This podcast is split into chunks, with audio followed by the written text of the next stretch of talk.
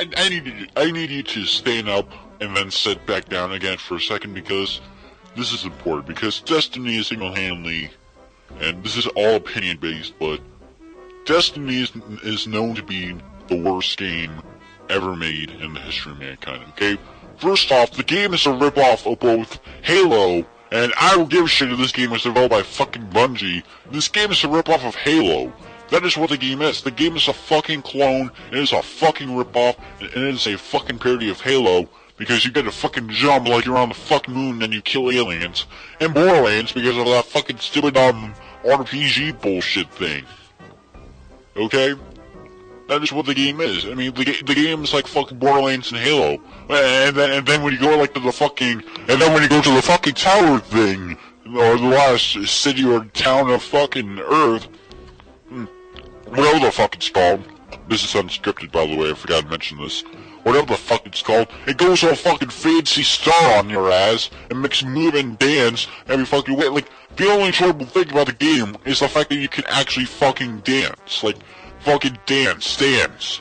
Oh, look at me, I'm dancing, I'm dancing. Someone better play some fucking Fall Boy right now. Dance, dance, we're falling apart to halftime. Dance, dance. Like bullshit.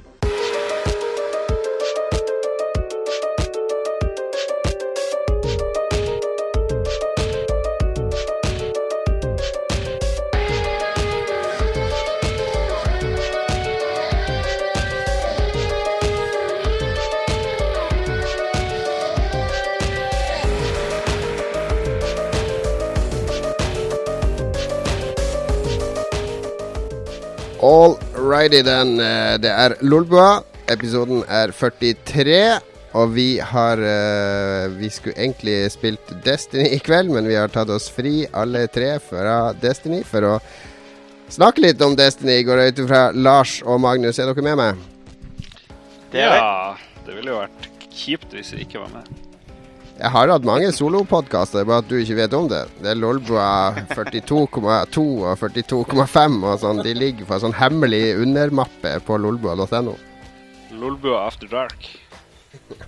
Kall det gjerne det. Og apropos After Dark, vi har jo med oss en meget spesiell gjest i dag fra våre venner og partnere i eh, Red Crew. Jeg ønsker velkommen eh, Alexander Hakestad. Jo, takk for det. Du har slipa helt vekk din svenske aksent, den som bror din sleit med. Jeg har eh, fullstendig fjerna den. Jeg har liksom gått full Stavanger når jeg eh, først flytta her.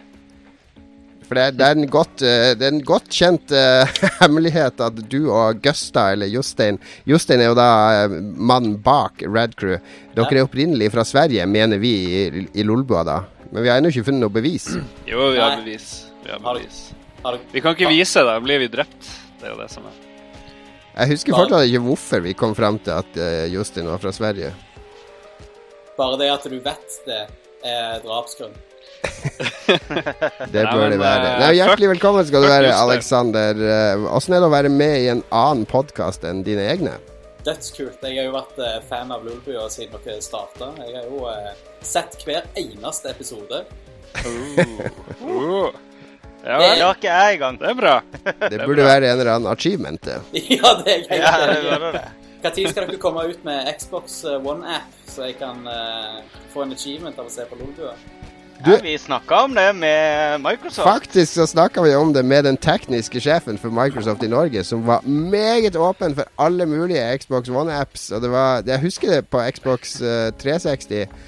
Så var, Før jeg begynte i Game Reactor, så var det snakk om at det skulle komme en sånn Game Reactor-app i, i uh, Og der forsvant Alexander. Det var det i hvert fall snakk om at det skulle komme en sånn Game ikke i. uh, i, uh, på 360. Men det var jo uh,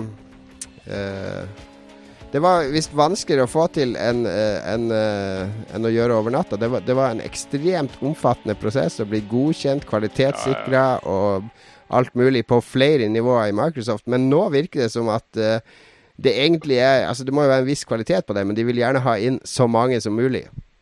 Jeg tipper vi ikke får lov å være med. Tror du det? Jeg skal, jeg skal gi dere 1000 kroner hver hvis vi får en Lolbo. Vi må jo lage en eller annen form for app. Altså Det må jo være noe mer enn bare lydfilen våre eller videoopptakene våre. 1000 kroner. Jon Cato, 1000 kroner hver fra Lars når vi er ferdig med appen. Yes. Ja, kjør Nå har vi det Nå har vi det på lyd og bilde. Og så må jeg er redigere deilig. alle episodene så at vi ikke nevner PlayStation. Hver gang vi snakker om PlayStation, sånn, det blir redigert bort. Ja. Jeg syns PlayStation 4 er drut. Vi, vi, får, vi får lov til å prate om VU, men da må vi ha sånn der eh, artig klovnemusikk i bakgrunnen når vi snakker om VU.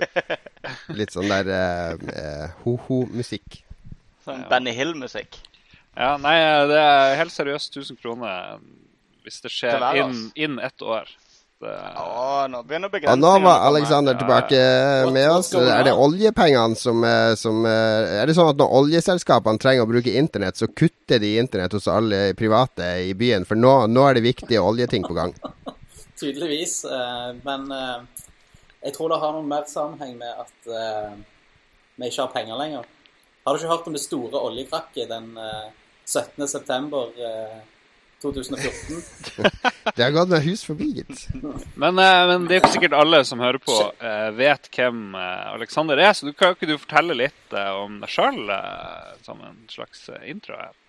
Jo, det kan jeg godt. Eh, Jeg er da vert på premiumshowet til radcrew.net, som heter for Radcrew Nights. Veldig bra show. eh, veldig bra show, det må jeg si. Veldig fornøyd sjøl til å være en eh, tidligere Mine tidligere erfaringer som eh, programleder har jo vært eh, elendige, om jeg får si det sjøl. Så jeg hadde meg en eh, stint på, eh, på Game On i Sandnes, der jeg fikk lov til å lede eh, Radcrew-showet én gang. Oi. Eh, og der, der har jeg aldri fått lov til det igjen. og, et, og etter det showet så har eh, Jostein alltid vært med på Ride Crew Nights òg. så så jeg, jeg tror jeg, jeg beveger meg på tynn is. Men jeg må si jeg har vært veldig fornøyd med de to første showene. Så eh, veldig laid back bullshit, som det heter. Det har jo gått veldig bra. eh, Og så likte jeg veldig godt da du sa 'hold kjeft, Jostein' i første episoden. du måtte liksom markere. Han glemte jo at han ikke var programleder. Ja, ja, ja. Men det, that's called brotherly love. Ja, jeg skjønner hvor du kommer fra, fordi jeg har jo ymta frempå til Jon en gang at jeg burde jo eh, være gjesteprogramleder her, liksom. Men uh, han tviholder på, på tømmene eh, der borte. Du, det, men det kommer helt fra, fra ungdomsåret av. Når, når vi skulle spille rollespill og Dungeons and Dragons og sånn, så var jeg spilleder alltid. Så jeg, jeg klarer rett og slett ikke å være spiller, fordi jeg må sitte og dra i alle spakene og ha kontroll. Ellers så, er ellers så føler jeg meg ja, ikke komfortabel. Ja, nei, så mulig vi må starte en ny Lolbua-podkast for at det skal skje. Så du har liksom trådd opp stien. Når, når vi kommer Ja. såpass langt at vi skal lage Lolbua Nights, Lars, da skal du få være programleder. Ja, bare vi ikke kaller det Lolbua Nights. Men det hadde vært gøy. Bare for å forvirre folk. Det kan sendes sånn klokka fire på natta. Nei, så, det, Så kan du være programleder, Lars, hvis du vil det. Mitt show ble jo faktisk gitt ut på den, eh, den herlige tida 0001 på natt til lørdag. oh, nice. Så Er det mange som sitter på fest og hører på radioen, er det ikke det? Og- jo, jo. Det er selvfølgelig det jeg tror. eh, Men eh, sannsynligvis så er det to lyttere, og en av de sitter i denne podkasten, og Men hvordan, eh, hva, hva tenkte dere når dere gikk frem for å lage det konseptet Red Crew Nights? Hva, dere ville jo ha et sånn spesialprogram til de som eh, betaler. For det går an å være så, så stor fan av Red Crew at man betaler litt penger hver måned og støtter dere. Uh, og Tanken var vel å lage et program til de, men, men konseptet rundt programmet, hvordan var det dere brainstorma dere frem til det Red Crew Nights har blitt? Det er jo rett og slett eh, ganske enkelt. Uh, Rad Crew Nights Vi kan begynne med navnet, da, for det sier ganske mye. Uh, Ja. Rad, Rad Crew Nights er faktisk en direkte tip of the hat til TV-serien Baywatch Nights. The Hoff. Oh. For Så dere mener at Red Crew er Baywatch, og Red Crew Nights er da Baywatch Nights? Ja, så det vi ville lage, var på en måte den skitne, lille Kall det fetteren til Rad Crew, som eh, egentlig du har lyst til å snakke med på fest, men aldri ellers. Eh, og eh, Når du er veldig, veldig drita, er det det du mener? Ja, ja, og eh, Ja, og så temaet rundt det eh, er jo egentlig bare Både meg og Jostein er jo superfan av 80-tallet og TV-serier fra 80-tallet. Eh, så ja, det, det bare forma seg etter det.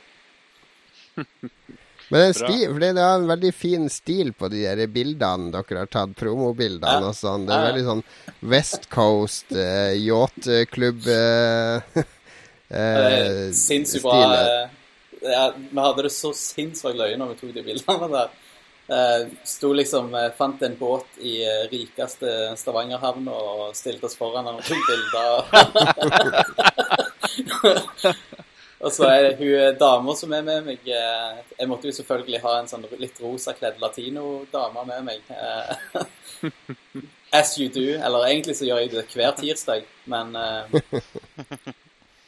Jeg foreslår, jeg foreslår Lolbua Vice som underpodkasten vår. Lolbua Vice. Vi får ta det opp til vurdering i styret. Ja, ja, vi tar det i styret. Det er i styremøte. Vi er jo kjøpt opp nå, sant? så det er det. Må vel, må vel strengt tatt tas gjennom oss òg, må du ikke det? Ja, det må Jo, det det vi må. Fyren med, fyren med dress og slips tar alle avgjørelsene. Jeg eh, jeg er jo her litt på grunn av eh, Radcrew, eh, eller Radcorp AS sin distriktspolitikk òg. Er du distriktspolitisk talsmann for Radcorp? Er det det du sier? Jeg må jo bare se hva som skjer med liksom eh, våre, våre samarbeidspartnere rundt i det ganske land. og ja, eh, Må bare følge med litt. og som, som ledere i Radcorp så må vi følge med litt at, og, og vise litt oppmerksomhet til de ute i det ganske land. men jeg, jeg tipper Du sa jo at Jostein Du måtte jo be Jostein holde kjeft i første sending, og han er jo litt Sånn som er litt sånn kontrollfreak, så, jeg- så vær ærlig, nå sitter han på, på bak kamera nå, der du sitter og holder opp litt sånn ark med Si mer om det, og, og hysj, og ikke, ikke nevn det og sånn. Eller er han ikke i rommet i det hele tatt? Det, den, eh, det har Han er faktisk, under eh, bordet. Med, med tre... ja. Hva sa du? Ja, nei, ok. Nei, han, eh, han trenger faktisk ikke det, for det er allerede fra fødselen av så ble vi eh, Vi fikk implantater i eh, sånn rett bak, i rett der nakken Altså ryggvirvlene slutter å gå over i nakken. Der har vi alle, begge to har et implantat der som vi kan telepatisk kommunisere med hverandre. Vet du hva, jeg har faktisk et implantat ikke så langt unna akkurat her, mellom sjette og syvende nakkevirvel. Oi. Det er ganske creepy. Det fikk du når Um, du joina Radcrew. Det fikk jeg når jeg joina Radcrew. Det er helt riktig. Jeg, jeg hadde faktisk tenkt å be uh, kirurgen uh, jeg ymta litt frempå om jeg kunne få noen sånne Robocop-effekter inn når jeg først skulle ha implantater. Kanskje et eller annet som sånn her uh, Hva er det heter for noe når du bare Når du dreper all elektrisiteten i umiddelbar nærhet? EMP. Nettopp. En sånn her EMP-greie jeg kunne hatt i nakken der, som jeg kunne aktivere. Et eller annet. Men det, han, han syntes ikke det var noe vittig. Det var ingenting vittig når vi hadde den samtalen rett før operasjonen. Så det, det vil jeg ikke anbefale andre å be om når de For det, eh, jeg har fremdeles veldig vondt i nakken, så det, jeg tror det var litt sånn som å være frekk mot kelneren, så spytter han i maten din. Jeg, jeg, var- jeg, tror jeg var litt frekk mot kirurgen min. Så det Nei, det var ikke sant. Var det da du var borte i USA og jobba for Electronic Arts? Så det er, eh, Ja, eller han Det var EA-chipen som skulle ut, og så skulle inn med et annet implantat. Det var operasjonen jeg skulle ta. Ma Magnus fikk jo veldig vondt i nakken uh, i de ukene uh, når han holdt på å søke på jobb i Maxis der. Det var veldig mye nakkearbeid. eh. Ja, det er ikke så billig, vet du. Det blir ikke billigere enn det. Nei, la oss hoppe videre fra nakken til Magnus og snakke litt om hva vi har gjort i det siste. Og da kan jo vår gjest få lov å begynne, Aleksander. Nå ser jeg du har skrevet opp noen spill her i sendeskjemaet, men det er altså lenger ned vi skal snakke om hva vi har spilt i det siste. Nå er det Nå skal vi mer dele litt sånne interessante fakta fra vå- våre liv. det trenger ikke være interessant heller. Stort Nei, sett er det jo ikke det. jo det. mer uinteressant, jo bedre.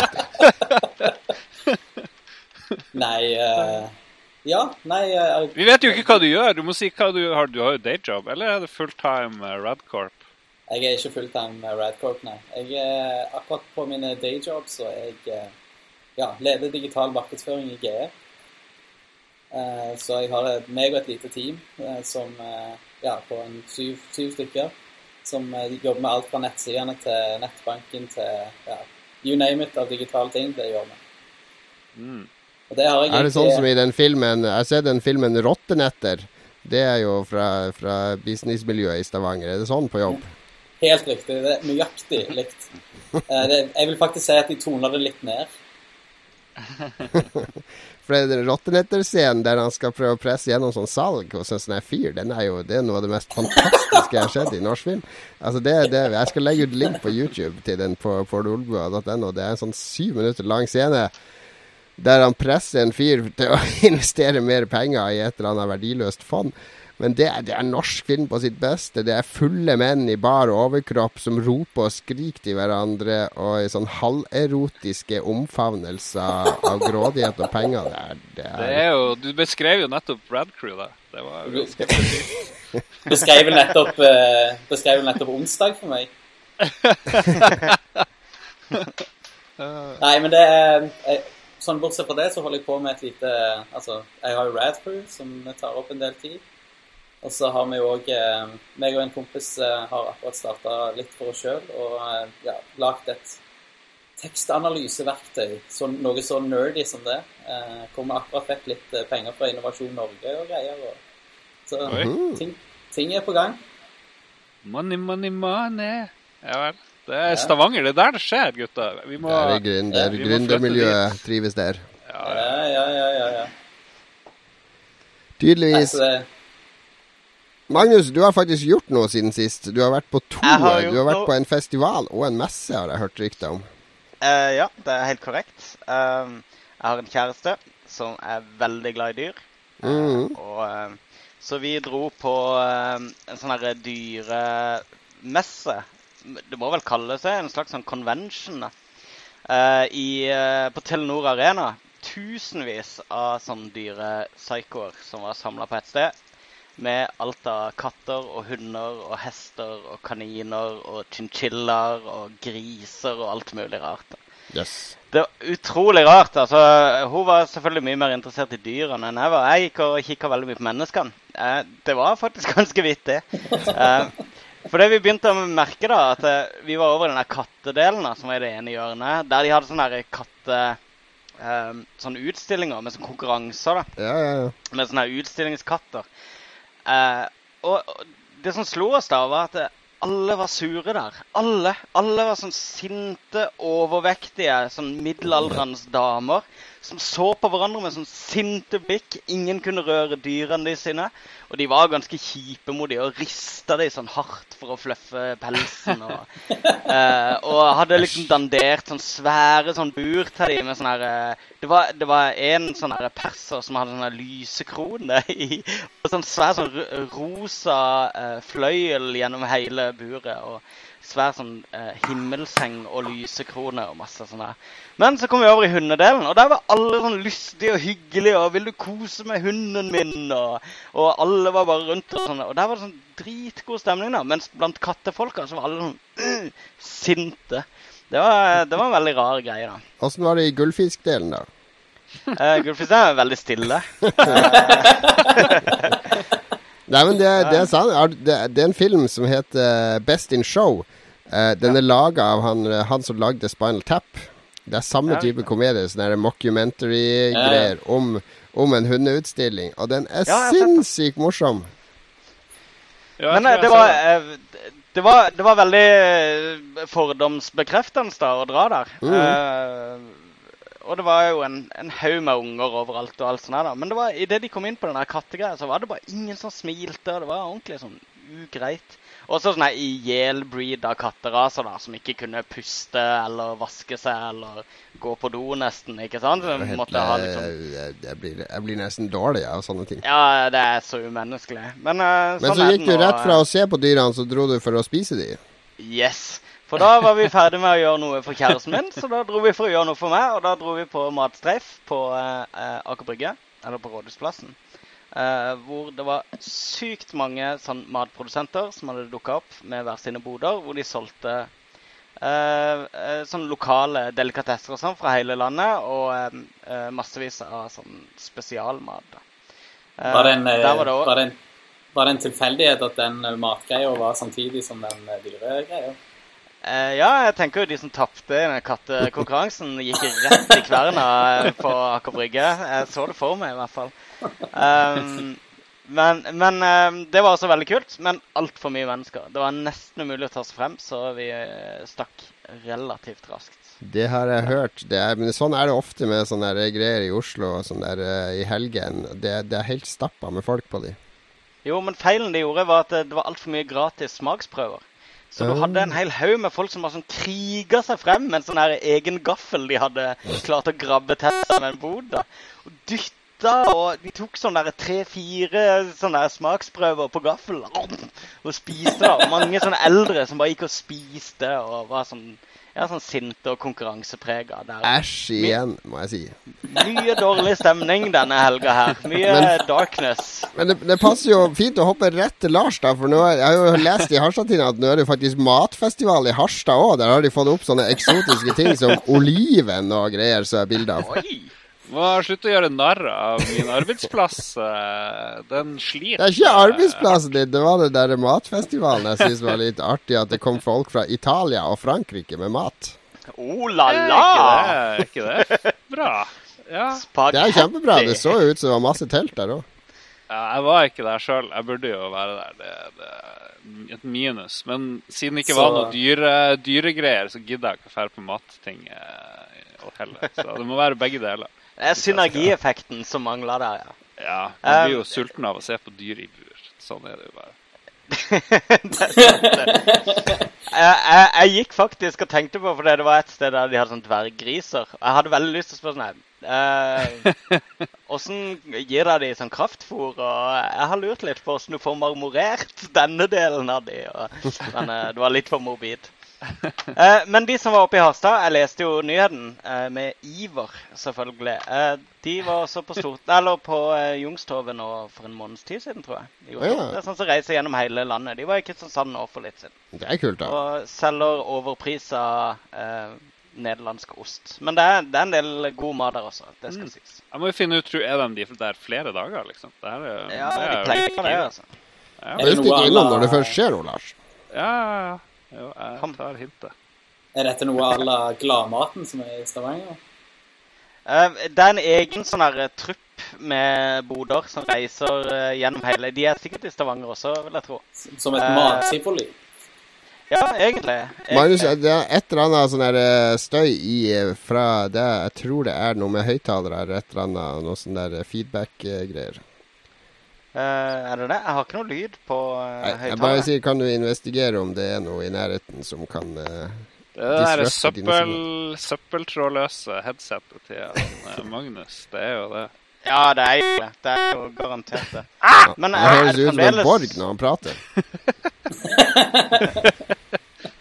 Jeg Du må- skal Det, det, er, det, det. er implant, det er implantatet i nakken. Ja, ja. Jeg snakker gjennom implantatet, og så mimer jeg oppå, da. Der har vi det, der har vi det. Men du, du kan ta deg en tur på matfestival, Lars. Men har det skjedd noe spennende i uka som har gått? Nja, siste uka i, Jeg tror det var forrige uke så hadde vi allmøte på jobben, og da fikk vi høre at masse folk skal få eh, Ikke direkte sparken, men det er for mye folk på jobb. Så nå er vi sånn midt i sånn uggen eh, periode hvor vi skal skjære ned eh, masse årsverk. Og eh, ja, jeg vet ikke om jeg mister jobben, men eh, jeg håper ikke det. Men jeg vet ikke. Og det er veldig surt å være på en jobb hvor du kanskje kan, eh, kan fyke. Det har jeg aldri vært i nærheten av å være oppi. Men nå er det jo krise i medieverdenen, ikke sant. Det her Google og YouTube, eller hva det heter, driver jo og stjeler annonsepenger i øst og vest, og så er det veldig lite igjen. Og det, det, jo, det har jo skjedd i masse år i sånn VG og Dagbladet og ditten og datten har jo skåret masse ned i masse år. Men jeg vet ikke, lokalmediene har vært spart ganske mye for det, fordi det, de leser mer De har vel mer trofaste brukere og lesere og sånne ting. Men, Ja, men eh, de nå er det hos oss. De dør jo for hvert år, og det kommer jo ikke nye til. Ja, Jeg vet ikke hvor mye de dør. Det er jo mye, det er jo, Vi har jo fremdeles Vi får se hva nye regjeringer sier, men vi har jo pressestøtte og ditt og datt. Men sånn, sånn som i USA, hvor de ikke har noe som helst eh, støtte. I Norge har vi er momsfritak og ditt og datt. Ja, så det går ikke an å sammenligne det. Men eh, ja. Nei, så det, det er en ny Men jeg har en teori om at lokalmediene de må gjøre litt sånn som bibliotekene. For bibliotekene, de var her, her skal du komme og låne bok. Nei, du skal komme og låne bok. Du kan lese avisen, og så kan du låne bok. Mens bibliotekene de har vært nødt til å omstille seg eh, etter de mista masse besøkende. Så de har blitt mer sånne møtesteder. Man tar med unger dit for å leke. Man har spill der, man har film der. Det blir mer en møteplass og sånn. Jeg tror avisene de må åpne seg opp og bli en, eh, et senter for lokalsamfunnene, der eh, innbyggerne kan komme på besøk og oppleve ting og ha diskurser. og, og eh, Litt sånn litteraturhus i Oslo med foredrag og debatter og alt mulig. At de skaper andre ting enn bare den der, det der papiret som skal komme i postkassen hver dag.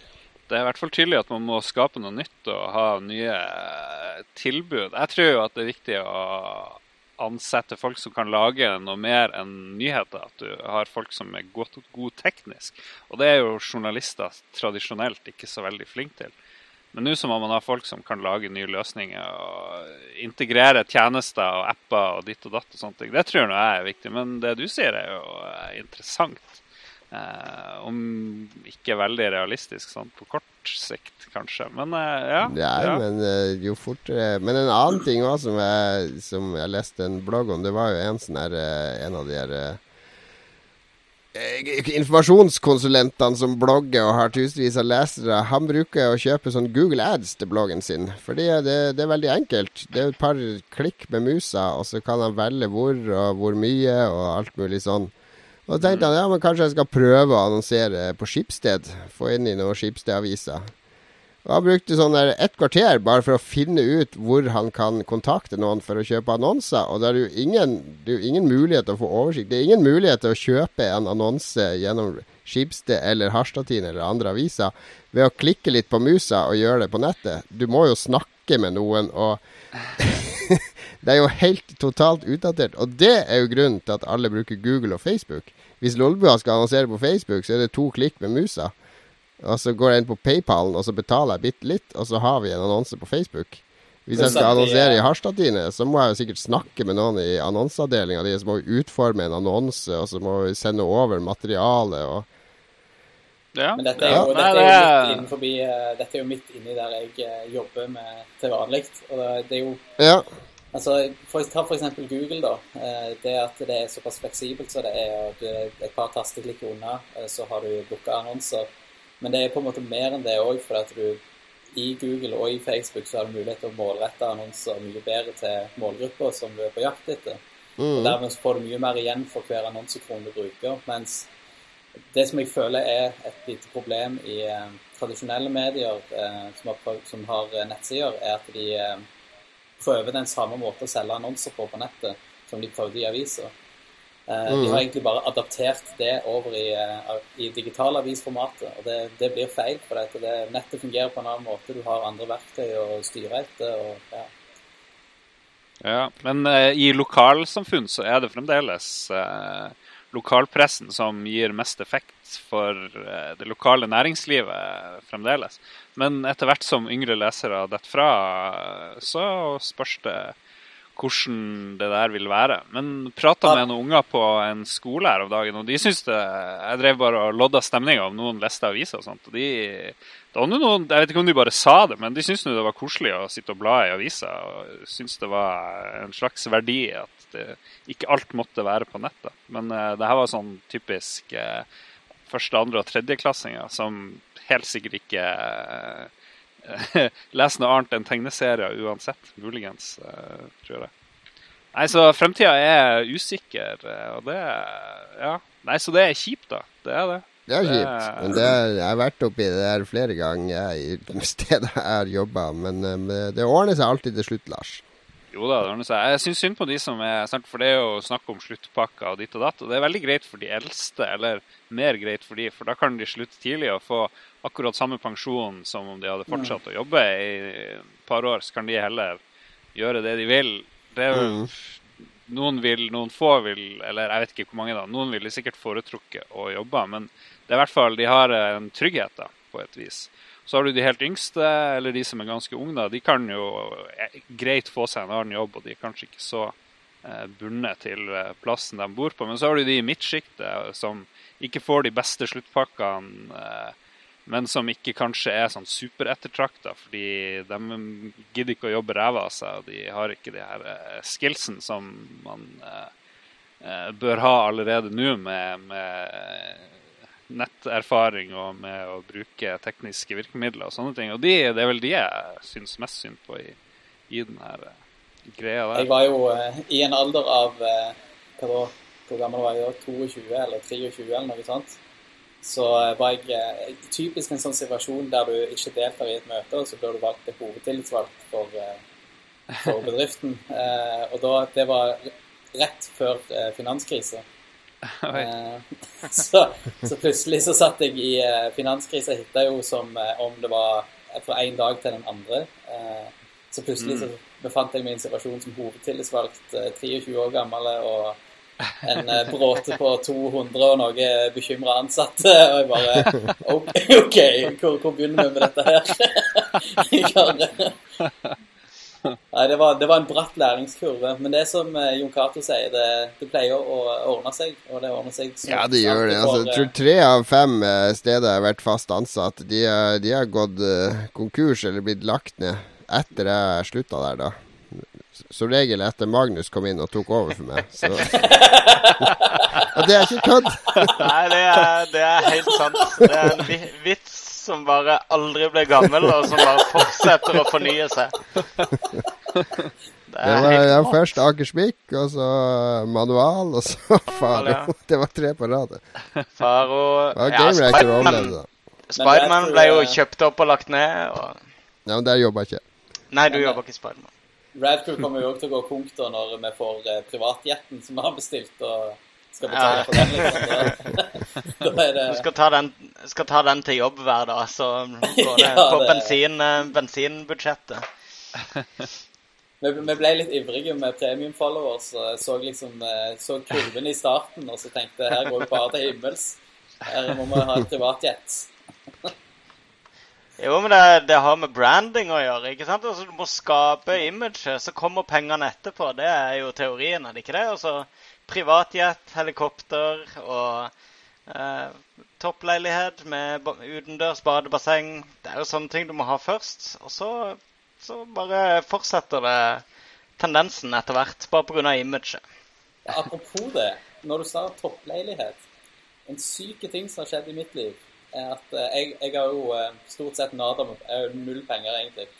Så jeg eh, leier en eh, leilighet på eh, Hafrsfjord, en ja, relativt fin plass, som jeg fikk en kjempegod deal, siden jeg kjenner de folka som leier den ut.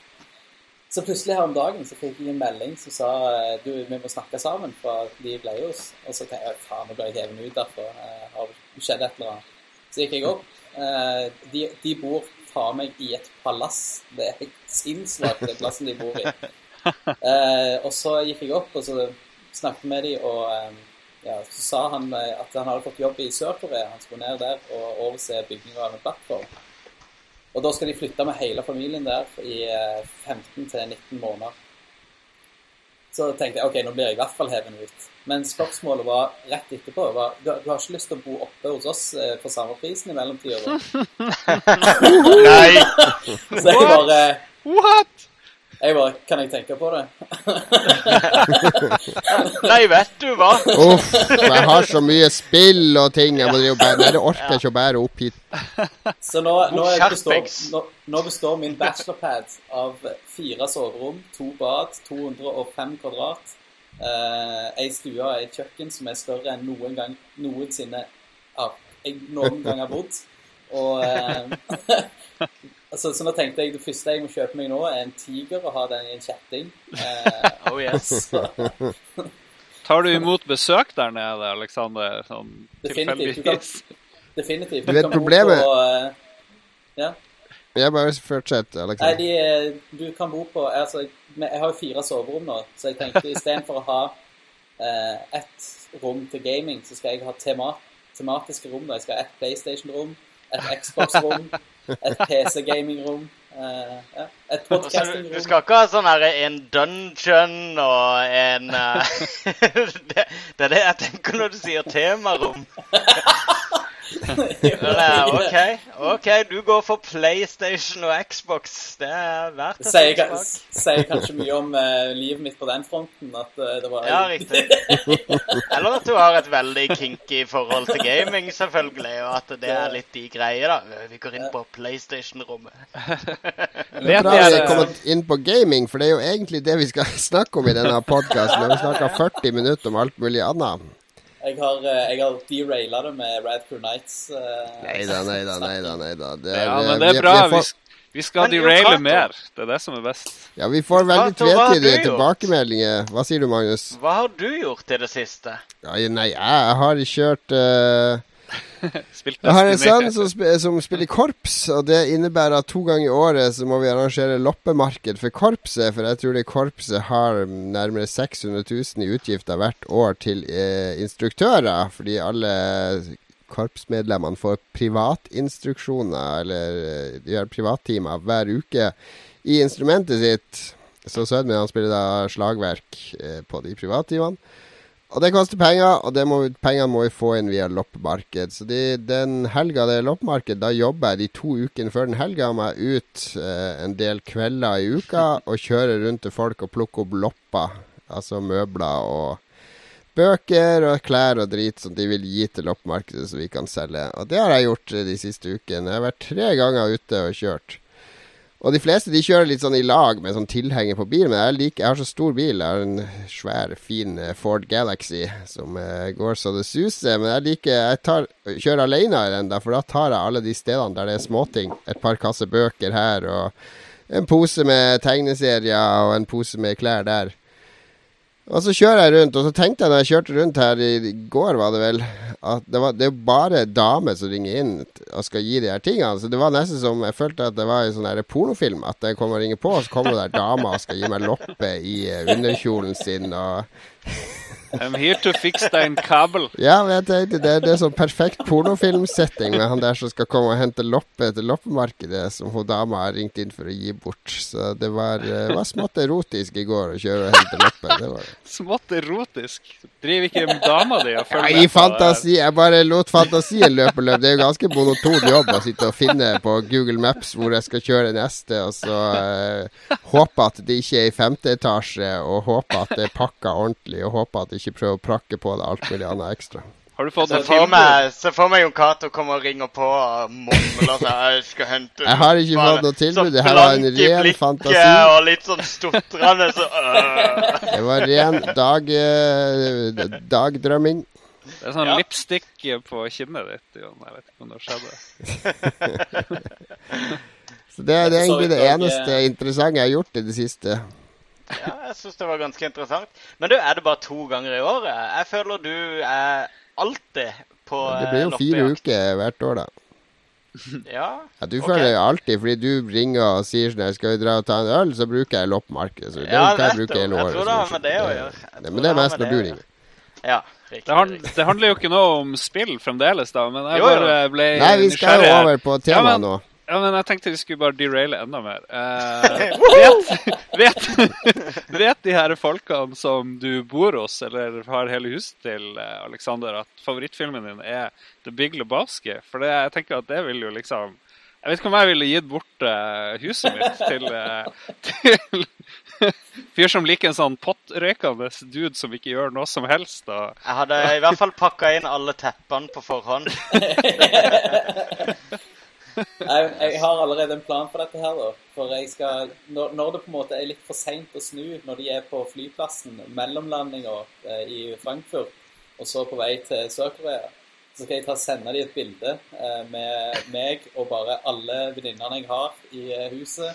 Og masse ølflasker og masse drit rundt omkring. Og så bare Thanks. Og så du kan installere bowlingbane i eh, stua. Det vil jeg. Ja, ja, ja. Nei, åpent hus i 15 måneder. Good to go. Hell yeah. OK, skal vi snakke om spill, eller? Ja, nå skal vi over på temaet. Vi, det uka sending er, er jo via til For i forrige uke kom jo egentlig eh, Destiny, og når, når, vi hadde sending forrige uke, så hadde vi bare så vidt begynt å spille det. Pluss at vi hadde meget hyggelige Xbox PR-sjefen Thomas Langgaard på besøk. Så vi konsentrerte oss om Xbox forrige gang. Nå er vi vel alle på level 20.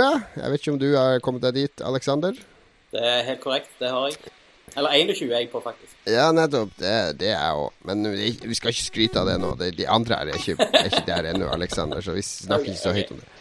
Jeg er på level 21. Jeg ble det i natt. Ok. Vi er, vi er alle kommet oss opp på level 20. Vi har alle spilt uh, relativt mye den siste uka. Og det har jo blitt uh, Det har jo blitt uh, Jeg vet ikke om det er sånn etterdønningen av Gamergate eller hva det er for noe, men det, er, det stormer i hvert fall rundt Destiny òg. Det er veldig mye meninger om det. Som ja, vi for så vidt hørte i, i, starten av Lolbua.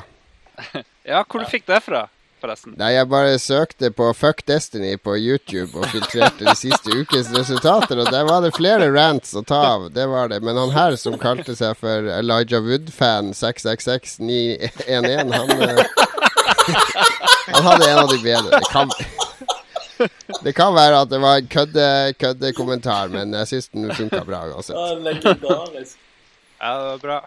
Ja, hvorfor er det så mye hate på Destiny? Jeg klarer ikke helt å skjønne det. Men det er jo kommentarfelt og forum. Det er jo både anmeldere og kommentarfelt.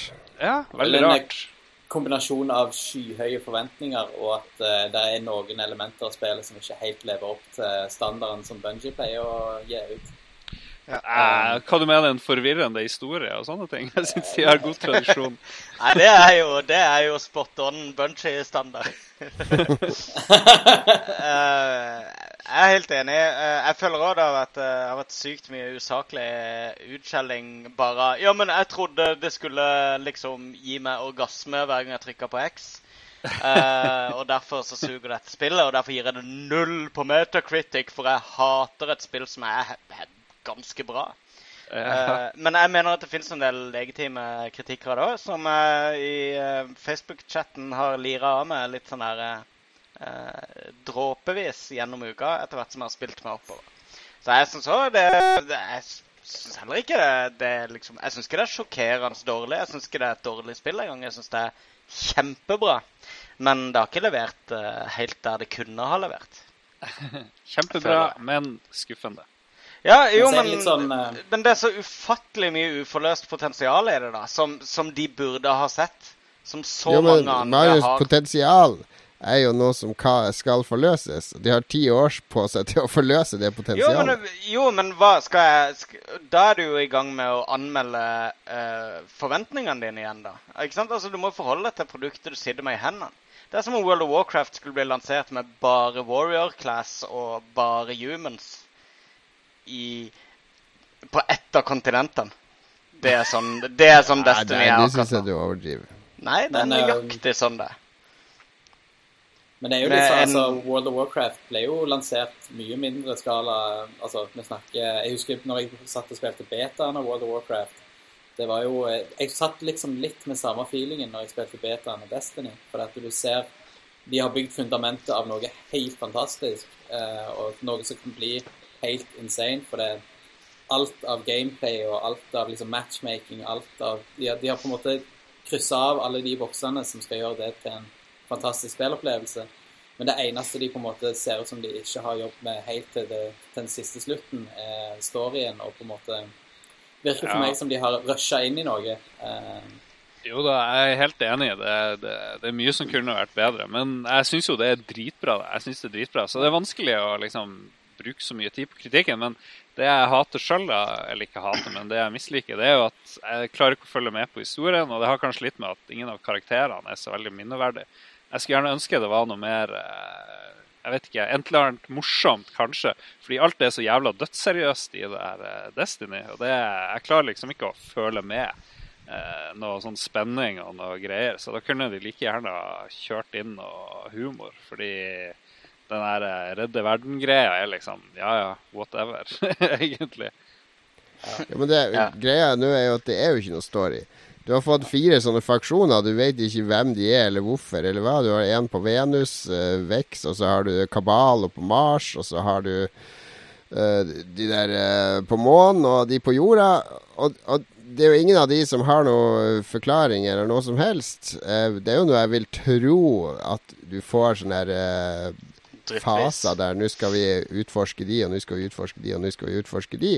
Alt det nå er jo bare en introduksjon. Det er jo kapittel null i boka, liksom. Jo, Men er ikke det litt tynt Nei. å presentere det som liksom oppstartsprodukt? Ja, her får men du det, liksom det er jo ingen som har gjort det før. Hva, hvordan kan du sammenligne det med masse andre ting? Ja, det var jo ikke noe spennende historie i World of Warcraft heller, når det var lansert. Det var det vel. Det bygde jo på, på en hel Ja, Det bygde på noe som allerede var etablert. Ja, riktig. Så det var jo ikke kapittel null sånn sett. Eh, jeg syns Destiny, den beste sammenligninga, er Guild Wars 2.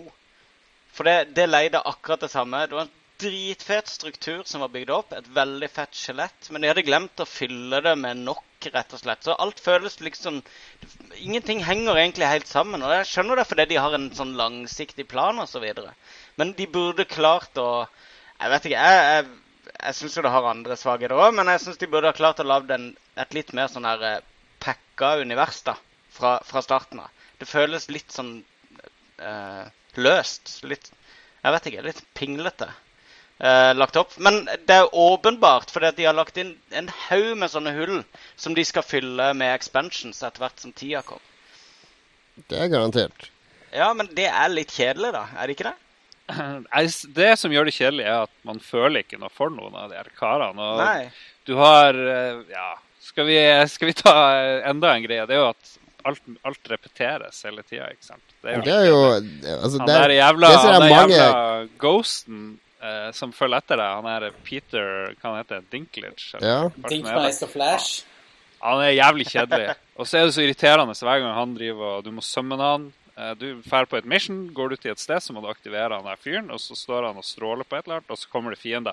Det er helt greit, den der slåssinga er jo dødskul, men kunne man, hva om de hadde fått med en annen karakter noen gang på et mission, sånn at det ikke var den jævla roboten som hele tida skulle gjøre noe, eller at roboten stikker av, og så må du vente et sted, i stedet for at roboten hele tida skal stå der og kuke. Det er litt, det er, litt dårlig oppfinnsomhet, egentlig, Ja, og van Ja. vanskelighetsgraden er liksom aldri lagt inn i at du må tenke kreativt i noen eh, situasjoner eller noe. Det er liksom Her er det flere fiender, og her har fiendene mer liv. Men det er liksom ikke, det er ikke lagt inn så veldig mye sånn strategiske utfordringer Synes jeg.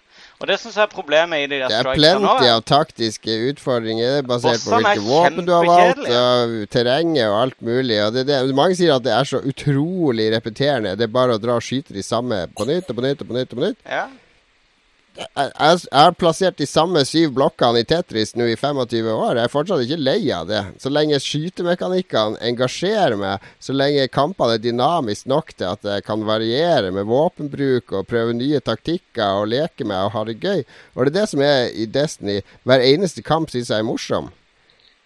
Hver kamp Jo, jo, du har, du har rett på en måte, men det hadde ikke skada med litt mer eh, variasjon. Det er ikke skada at det var flere de andre tingene vi scenarioer rundt skytekamper, men det er likevel skytinga jeg vil. Jeg vil ikke løpe rundt og trykke på sånne pads på gulvet i riktig rekkefølge for å åpne en dør. Det fins andre spill der man kan gjøre det. Men du, du, har, du har kulere Altså, bossene Pluss er jo pluss at i raidet så har du jo masse puzzles, visstnok. Jeg bare så litt video av det. Der måtte de stå tre stykk eh, innenfor tre sånne sirkler for å aktivere noen ting, og de må stå der i flere minutter mens de andre beskytter de osv. Det er masse sånne Ja. ting de må finne ut av og, og sånne ting. Det er jo kjempekult. Så, så hvorfor etterlyser du ikke det i resten av spillet, da? Hvorfor er det greit Det at de har pakka det inn? nå! Ja men, ja, men det kommer i en expansion, eller i, Nei, i det en kommer Nei, det en i en gratis oppdatering som alle har fått. Jo, men det er greit. Men hvorfor er det ikke mer av det i resten av spillet? Det er helt korrekt, Magnus. Det er jo eh, Hvorfor er Jeg så synes alle bossene jeg har tatt, alle bossene jeg har tatt, har handla om å bare skyte dødslenge på dem. Det, det er alt du gjør. Jeg bare løper i sirkler rundt og skyter på dem. Jeg, jeg syns de kunne gjort mer der. Eh, I hvert fall faser, da. Litt så interessante faser i bossene der du må bare snu taktikken totalt når en kommer et visst stykke på bossen, f.eks. For, eksempel. for å gjøre det litt mer varierende. Men jeg, ja, jeg synes, Men som sagt, jeg, jeg, jeg slutter ikke Jeg tar ikke nåla ut av armen selv om jeg kommer med disse kri kritikkene her. Men, men det må være lov å kunne liksom å, å ta det på noe av det, da, og kunne si Det må være sånn- lov å kritisere, ja, men jeg syns Ja. det er mye usaklig kritikk. Ja, Ja, men jeg føler, ikke, jeg føler ikke at min kritikk på dette her er usaklig. For det er at jeg er ikke sint på de som har lagd spillet. Jeg vil aldri til null eller en Nei, men det er mange som sånn. kritiserer ting for at som de egentlig ikke skjønner hva de kritiserer. Du eksempel skjønner ikke hvorfor det ikke er matchmaking i raids. Men hvis du har sett en Twitch-video av noen som har prøvd seg på raidet De første som klarte det, de døde 1600 ganger eh, Ja, på de tolv timene de brukte på raidet. Det var 1600 ganger de døde. 1600 på seks personer delt Ja, det var på ca. 14 300 timer. per person. 300 per person delt på 14 timer. Det er 30 ganger i timen. Er, da har de dødd annethvert minutt i snitt. Jo, jo, men, men poenget var at Det så krever gedigent samarbeid. Som du, som du Altså, jeg tror det er en grunn til at De blir kritisert for mange av de valgene de har gjort, men de har brukt Ja. fem år på det her. Jeg tror at de har tenkt i de samme banene som andre og funnet ut at kanskje det ikke kommer til å funke på den måten. De kan godt forklare litt mer av de valgene de har tatt, og hvorfor de har gjort det. Det har de ikke gjort. Det syns jeg òg. Men, men akkurat det der med matchmakinga, da. Altså eh, Normalt da, så har du en mulighet for å hooke opp med andre for å spille sånn pickup groups eller pugs. da. Der, der en liksom Du er innforstått med at du kommer aldri til å komme forbi eh, andre eller første bossen. Du kommer Du klarer kanskje første bossen. Men da har du en haug med folk som får noe lut, ikke sant? som gjør at de er litt kraftigere. Får litt bedre Så får de litt kontakter med fremmede, så blir de kanskje plukka opp i et guild. Som det er et guild som akkurat har mista en som er nødt til å stikke av, f.eks. For eksempel, fordi at eh, et eller annet kjæresten begynner å klage eller noe. Så ja, jeg må stikke. Så ja, OK, da må alle ta kvelden. I stedet kan de hente inn en via matchmaking. Boff, så har de et fullt team igjen. Jo, men man kan jo lagre i raidet. Altså, teamet lagrer jo sin pro progression og kan fortsette senere. Det, det Ja, kan du, hvis, kunne du hvis, i- du skal, i- hvis du skal mobilisere seks personer av dine venner, uh, og da legger alle av kvelden til å spille det, og så er det én ja, som melder avbud, så må alle bare si ja, OK, da gjør vi ikke noe i kveld. Ja, nei, Altså, jeg, skjønner, jeg skjønner heller ikke hvorfor de bare kunne latt folk prøve. og så har de skjønt Ja, jeg skjønner ikke at det skader. er det. De har Ja, jo matchmaking i alt annet, så hvorfor fjerne det fra de raidsene? Det, det makes no sense.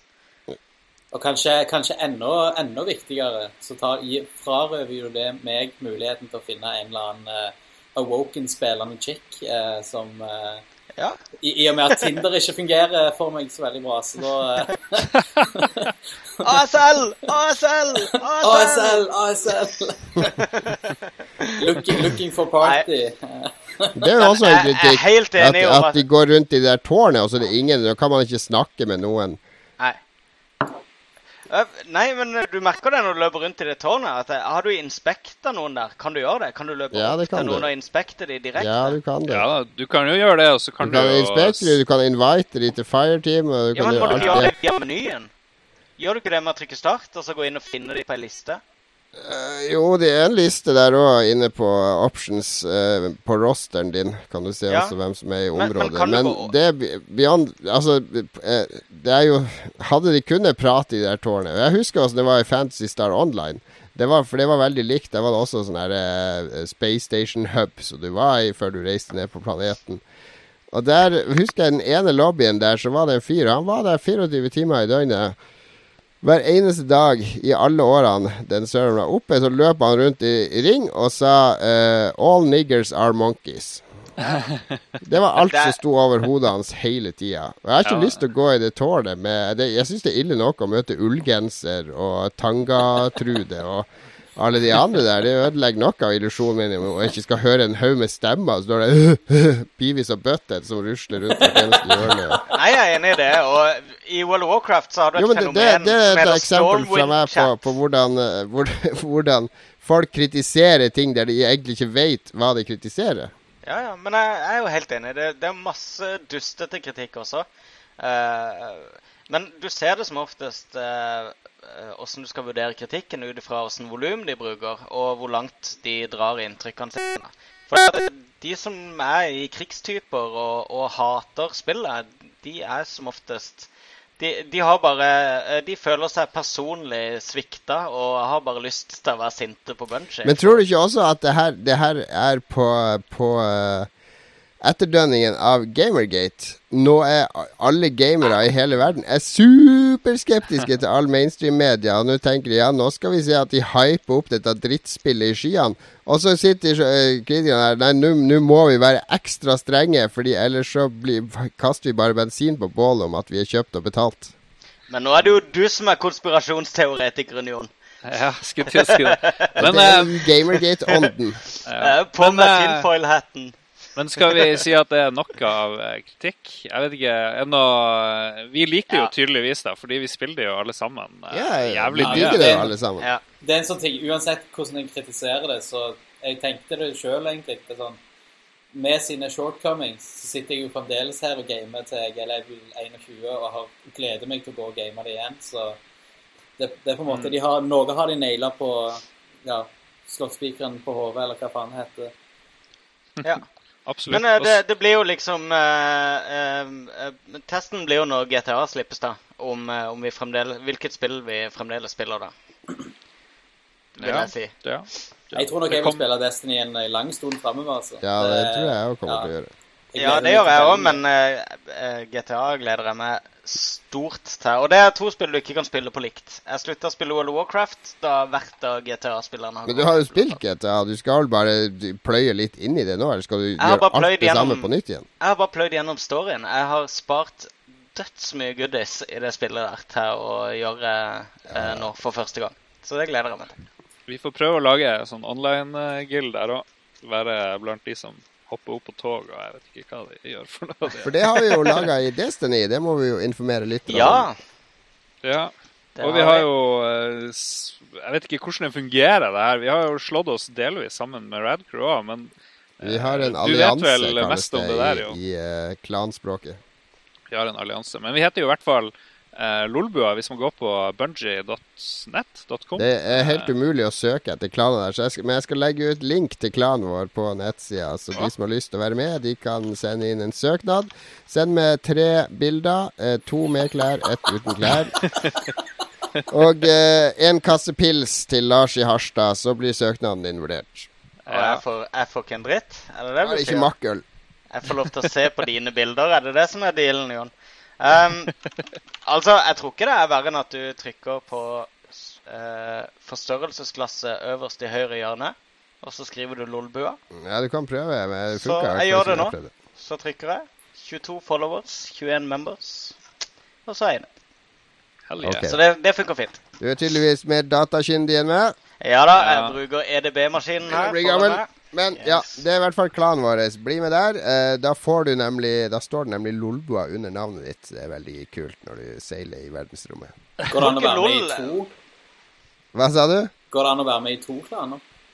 Jeg tror du må sette Du kan være med i to klaner, men du må sette en av de som din klan i spillet. Ja, ja det er jo viktig spiller. å nevne. Når man har blitt medlem, så må du i tillegg til det trykke på den der ZS PS4 eller Xbox One Clan. Uh, jeg merker meg eh, mellom uh, podkasten jeg er så fan av, og podkasten jeg driver sjøl. Ja, det her blir valg, det her. prøven. Den store prøven. Neste Men har vi mer å si om Destiny, da? Altså, Vi digger det jo alle fire, tydeligvis, ja. til tross for alle shortcomings. Ja, er, det har blitt en stor hit, og de sa jo sjøl at de har på tre dager så har de solgt spill for 325 millioner dollar. Uh, og sier at det er den største nye sånne launchen av et spill. Men jeg sjekka GTA5, og de hadde vel 1 milliard tror jeg, etter tre dager. Så uh, ja. det er liksom ikke ja, verdens det, største spill. Det er jo det vanlige PR-pratet. Det er den største lanseringen av en ny IP. Ja, nettopp. Fordi GTA er en eksisterende IP, vet du. Um, men du, vi kan jo ta den aller siste greia, for det var på en måte temaet i um, Splashen for da han var at uh, Uh, Activision visstnok skal ha lovd uh, Bunchy en bonus på hva var det, 2,5 millioner dollar. Uh, hvis de fikk en metascore over 80 uh, i løpet av den første måneden etter lansering. Uh. Eller var det over 90? Jeg husker ikke, men det er i hvert fall en helt Det er en kriminelt dårlig praksis i det hele tatt. Altså. Ja, og Det er jo også interessant i seg sjøl at de legger opp bonusinsentiver rundt Metacritic. Eh, jeg hadde eh, skrevet en kommentar i Aftenposten om det der i fjor, fordi at det allerede blir jo de her eh, spillpressen eh, Vina og Dina uh, borte i USA der, og, og, og de metakritikkfolkene har jo fått særbehandling i alle år nettopp pga. at metascoren er blitt så utrolig viktig mm. eh, pga. bonuser og sånn. Ja, og så er det jo også de som lover gode karakterer, er jo de som får spille først. Så det har jo du også poengtert før, Jon, i Aftenposten. Så derfor blir de første karakterene som dukker opp der, er høye karakterer. Så når folk begynner å skal anmelde sjøl, så er det en del anmeldere som kanskje ikke er like sikre på seg sjøl, som begynner å Det er mye lyssky greier rundt metakritikk. Ja, skal de, Så sammenligner de litt, så ser de at stemninga er visst høye karakterer for dette spillet, så gjør de det også. Så det, det har nok noe for seg. Gamergate. Altså, jeg tror uh, i Radcruise har vi aldri prøvd å legge skjul på at vi ikke vet hvordan vi skal anmelde spill, så vi har heller aldri vi har heller aldri, ja, vi har heller aldri anmeldt spill sånn profesjonelt, vil jeg si. Vi har skrevet noen anmeldelser, men det er aldri noe sånn at vi har noen skit eller noe sånt greier med noen guidelines som vi må skrive de etter, eller det, det går helt på magefølelse og glede med spillet. Og um, jeg syns det funker godt nok for oss, og det gjør òg at vi ikke vi trenger ikke å holde oss uh, sånn veldig uh, uavhengige. Vi trenger ikke å måtte være en nøytral part i det hele, for det, vi kan egentlig bare si hva du mener hele veien. Og ganske befriende sånn sett. Ja. Det er det. Bra. Det er den beste måten å anmelde på. Og den beste Destiny-anmeldelsen den finner man jo selvfølgelig på lolbua.no. den ligger der i, uh, i uh, diktform. Den kan, skal helst leses høyt med stemmen til Jan Erik Vold. Da blir, da blir det den ultimate Destiny-anmeldelsen. Så jeg anbefaler det. Finn Destiny. Uh, den heter Love, den teksten. Les den som Jan Erik Vold ville lest den, så har du den eneste fasiten om Destiny, vil jeg påstå. Hva tror du om eh, det konseptet å kunne levere det ut som premium content? Bare tekster lest av Jan Erik Vold? det, det er, Jeg føler vi er inne på en ny spalte her i Lolbo, ja, Jan Erik Vold eh, Anmelder leser eh, dikt om dataspill. Ja, dere, jo, eh, dere, har jo bevist dere som eh, fantastiske imitatorer. Eh, Ja, egentlig burde du si 'Jack, Jack, jeg har spydd', for å høre hvordan det høres ut på ordentlig. jeg, jeg, likte best uh, 'Ja, nå sitter vi her i Statoil-kafeen'. uh, jeg, jeg, hadde faktisk et uh, foredrag en gang hvor de som hadde foredrag foran meg, hadde en, de avslutta med en slide hvor det sto de mest hata dialektene i, uh, i, Norge. Og da var jo selvfølgelig Stavanger-dialekter på som den mest hata dialekta. Og den, når, jeg, når, jeg, var på vei opp på scenen, så var den sliden forblei, på en måte. Så jeg måtte, jeg måtte bare opp der og si ja, sorry. I, I'm sorry. Um... Bare si det på engelsk. det, kommer vel av at jeg tror de, de, dialektene som kommer høyest, er de som har de mest plagsomme ambassadørene som er i media. Sånn Per Inge Torkelsen og sånn, som står og hyler og skriker som en kråke. Da, ja. da, får du ikke så godt inntrykk av dialekten Det er nok en viss mulighet for det. Det er det. Vi skal videre fra Destiny. Det får være nok Destiny-prat i denne sendinga. Um, det har også skjedd andre ganske dramatiske ting denne uka. Vår nyhetsreporter, skråstrek anker, skråstrek journalist, skråstrek redaktør, skråstrek produsent, skråstrek eier, eh, skråstrek hashtag gamergate. Eh, Magnus eh, Tellefsen skal lose oss gjennom de viktigste nyhetene fra uka som har gått.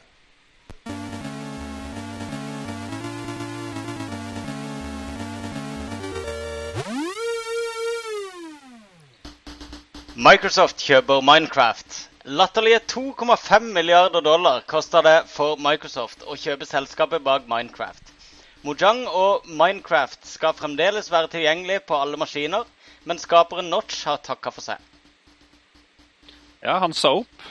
Jeg vet ikke hvor mye eh, Minecraft er verdt uten han. Er det noe eh, Blir det noe Han har ikke jobba på Minecraft siden 2011? Nei.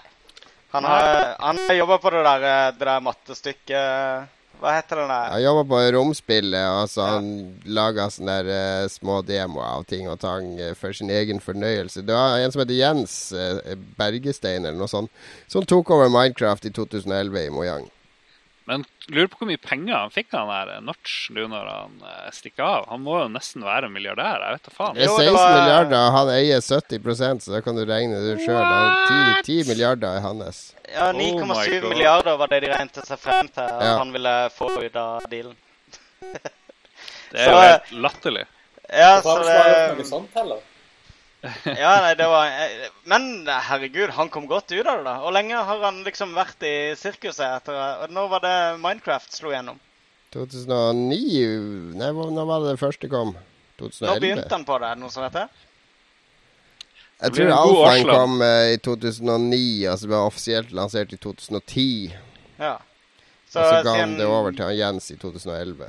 Så siden han begynte på det 2007 da, og fikle med det, så det er grei timelønn hvis du deler eh, 9,7 milliarder på syv år. Altså For Notch var jo det her bare én av 1000 prototyper og hobbyer og småspill som han drev og lekte seg med. Han traff gull. Han traff eh, Han traff gull. eh, kombinasjon av flaks og at han var ekstremt dyktig med å finne noe som eh, ja, Det kom på riktig tid, ikke sant, med Ja. youtubere og folk som skal være kreative på nett. Det, det, plutselig kom det perfekte spillet til å være kreativ på nett, og til å lage tutorials, og til å lage eventyr, og til å lage Let's Play, og, og skape, skape ting sammen med spillet. Så jeg synes, Minecraft er jo det viktigste som har kommet uh, siden Hva skal vi si World of Warcraft.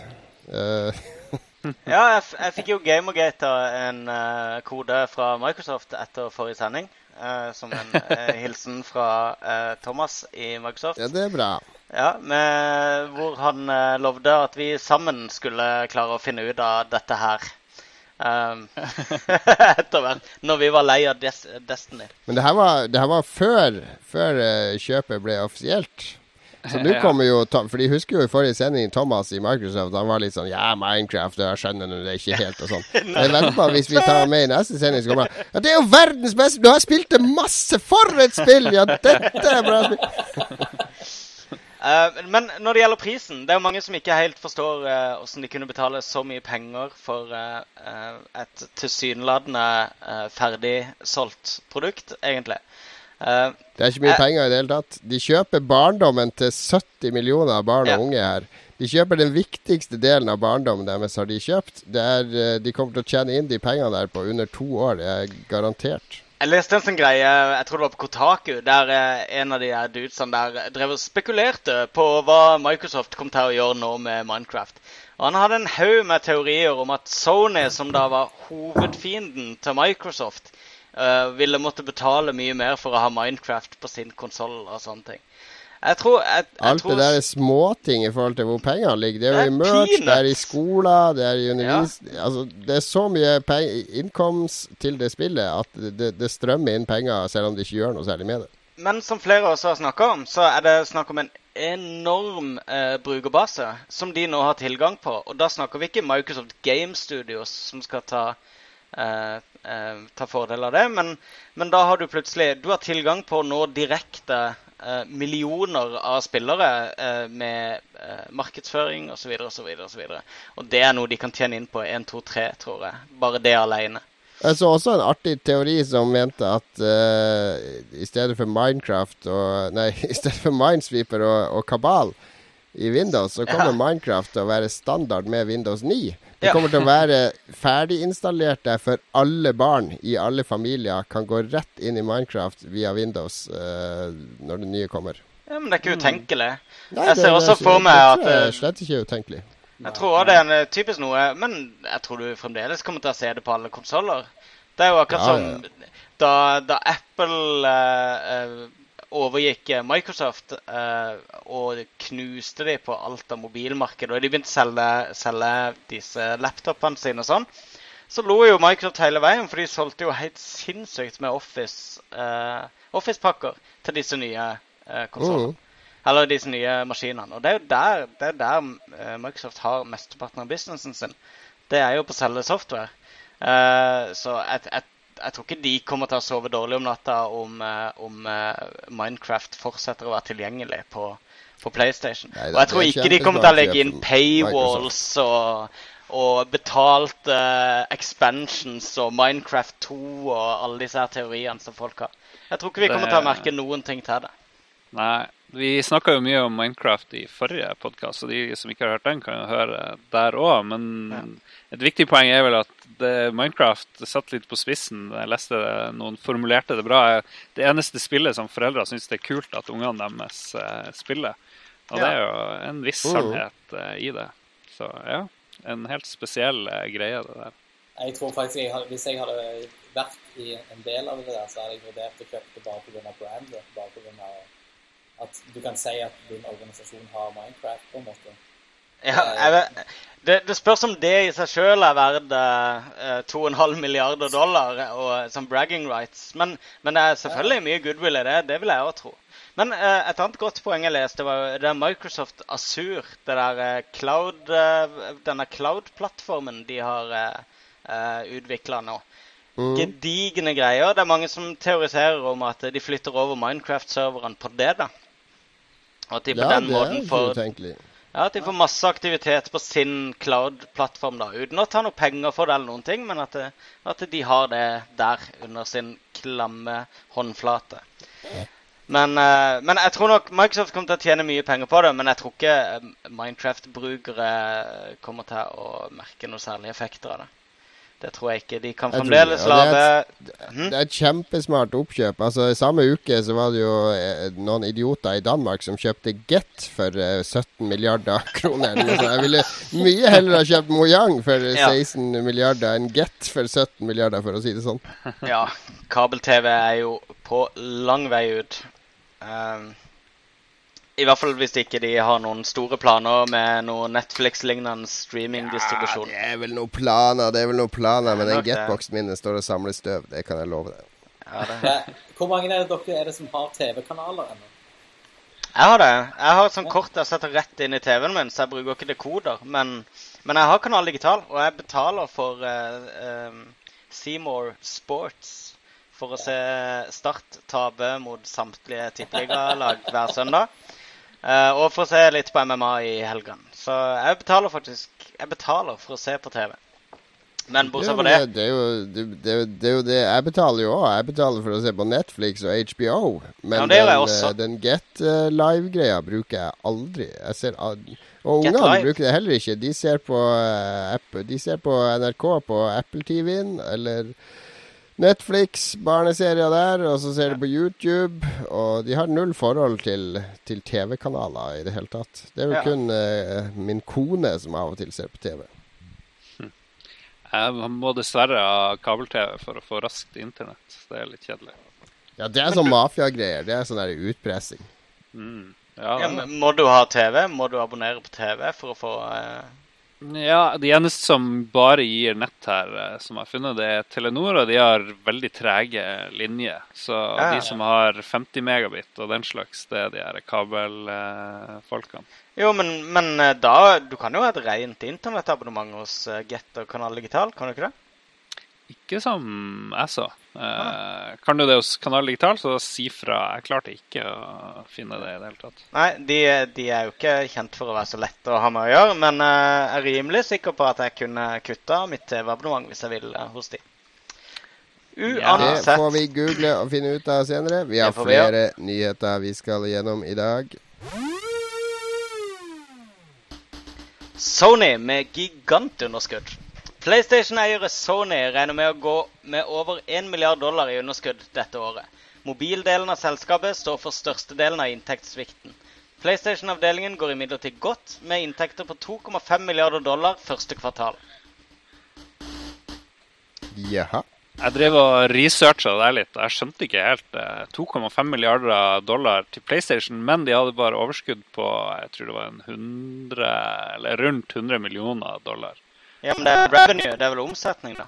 Ja, Men da omsetter de jævlig mye, da. Det er ganske heavy. eh. Tenker Det er jo sånn solgt 10 millioner 10 millioner PlayStation 4-maskiner til uh, 4000 kroner hver. Det er jo Det er jo fire Milliarder.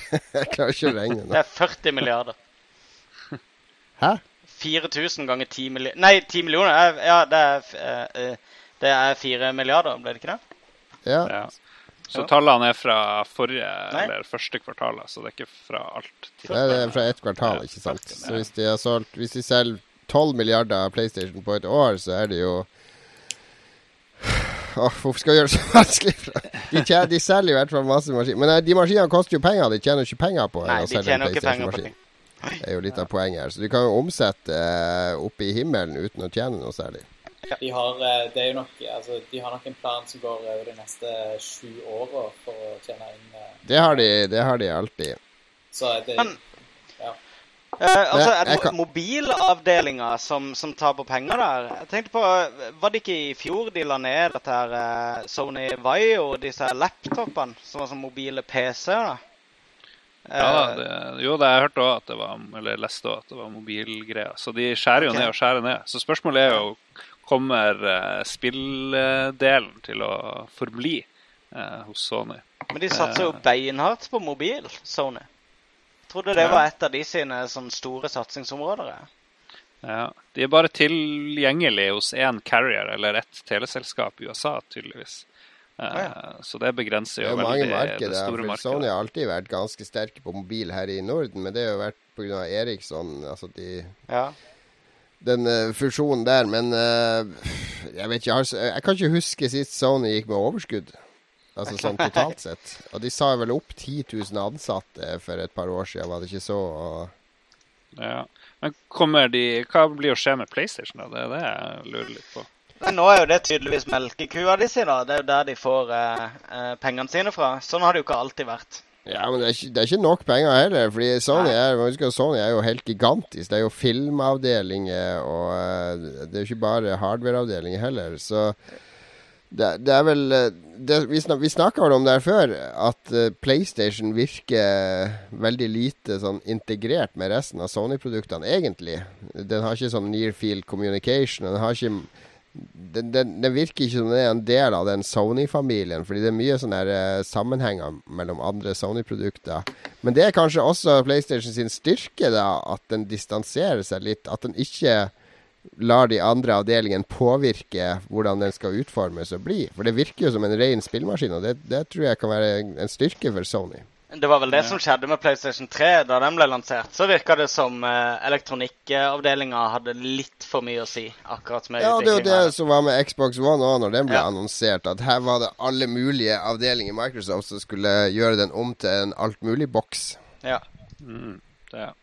Ja, nei, men Det var noe greit å registrere at uh, det går drit, egentlig. Fordi 100 millioner eller noe sånt i inntekter fra PlayStation, det teller ikke så mye hvis eh, de til sammen går med 1 milliard i underskudd det her året. Et nytt år med underskudd. Så det kan skje ting der. er utelukkende mobilspill, med andre ord.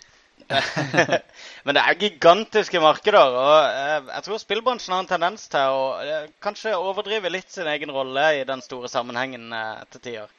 Um, Helt klart. ja, rett og slett. Vi har én nyhet igjen. Uh, jeg har sett på den, så jeg må nesten si dessverre. Ja, jeg tror også Ny sesong av Ylvis på TV Norge. Ylvis-brødrene er tilbake. Gjengen lagde en av fjorårets største hits, The Fox, og venter tirsdag tilbake på TV-skjermen med en ny sesong der de viser ukentlige episoder direkte fra et eller annet sted i Oslo.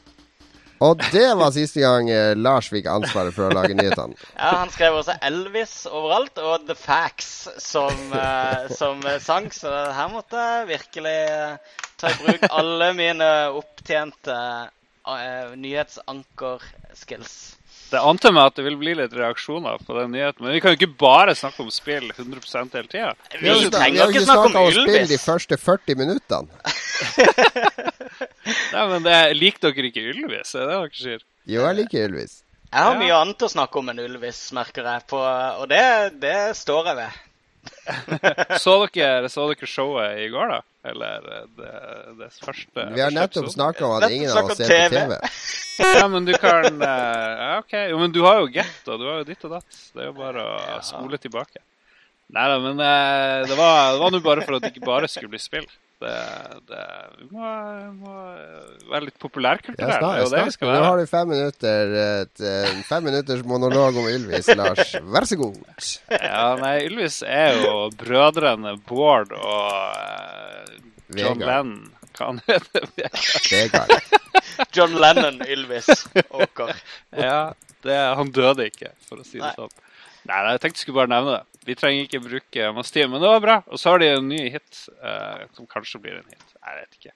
Men det var gøy. De hadde eksempel, siden dere ikke har sett det, de skulle eh, intervjue Jenny Jensen, og der eh, countrydama, om uh, ufrivillig barnløshet. Så da putta de på en sånn uh, ting i uh, Tusenfrydparken, en sånn her gigantisk sånn her contraption. En sånn her pendel som svinger frem og tilbake med masse folk på. Så skulle, skulle de intervjue om ufrivillig barnløshet mens hun drev og hylte og skreik i den der greia der.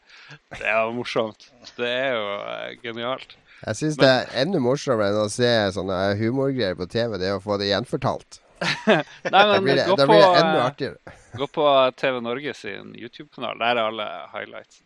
Ja, jeg har faktisk sett Det de er, Det er veldig morsomt der når de er i heisen nede på det hotellet du har brukt å bo på i Oslo noen ganger, ja, Lars. ja, ja, ja, absolutt. Uh, og de har sånne heisstemmer. Det er faktisk ganske morsomt. Ja da. Morsomt, morsomt. Nei, men da har vi gjort det. Det var et lite eksperiment. Da, Jeg tenkte dere skulle bli enda surere, så det her var litt skuffa, egentlig. Vi eh, blir uh, blir ikke sure, vi, vet du, på det, Lars. Nei, vi- går vi litt- går og brygger på det. Vi går og brygger på dette hatet, og så eksploderer det plutselig når det er nok. Så det er bare å glede seg, Lars.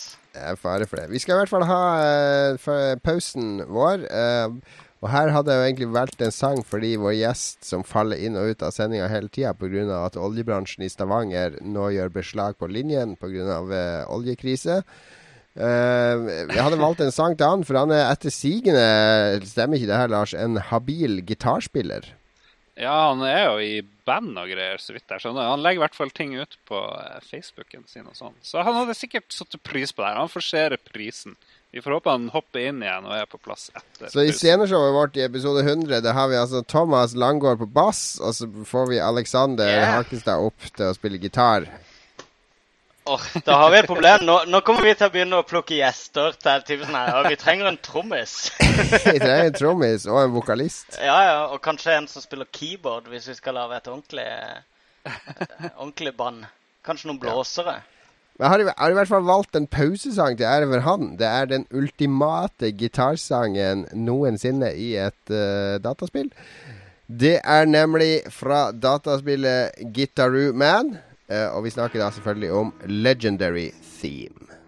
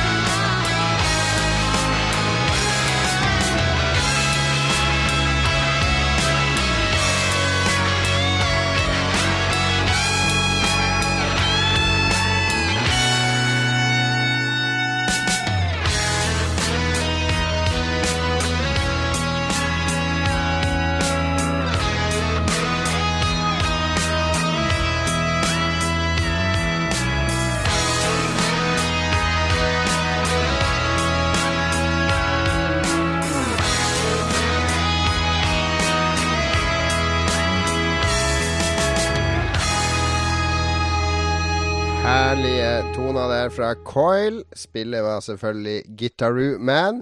Og det var valgt til ære for deg, eh, Alexander. For vi har hørt, eh, vi har hørt og vi har sett eh, på nettet at du er en meget habil gitarspiller. Tusen takk for det. tusen takk for det. Veldig bra.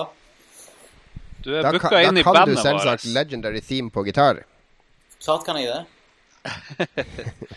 Du vet Nei, vi driver og skal ha Lolbua-band, så da regner jeg med at du blir for å lage sånn kjenningsmelodi og ditt og datt. Eh, Thomas fra Microsoft er også der. Han er bassist i Lolbua-bandet. Vi trenger en gitarist. Det her er snakk om til 100, jeg tror vi sier 150 eller 200 jubileumsprogrammet vårt. Planen er da å spille det inn på scenen i et fullsatt Spektrum. Uh, da trenger vi band. Uh, jeg, yeah. eh, you had me at hello, holdt jeg på å si. Yes, yes, yes. men det er uh, Vi må jo også spille på Rad Aid. Uh, Rad Aid, ja. som skal gå av stabelen òg en gang når vi når episode 500, eller, eller noe. Vi stiller gladelig opp på, på Rad Aid uh, og, og underholder for å skaffe penger til Rad Aid. Det må vi, det må vi gjøre.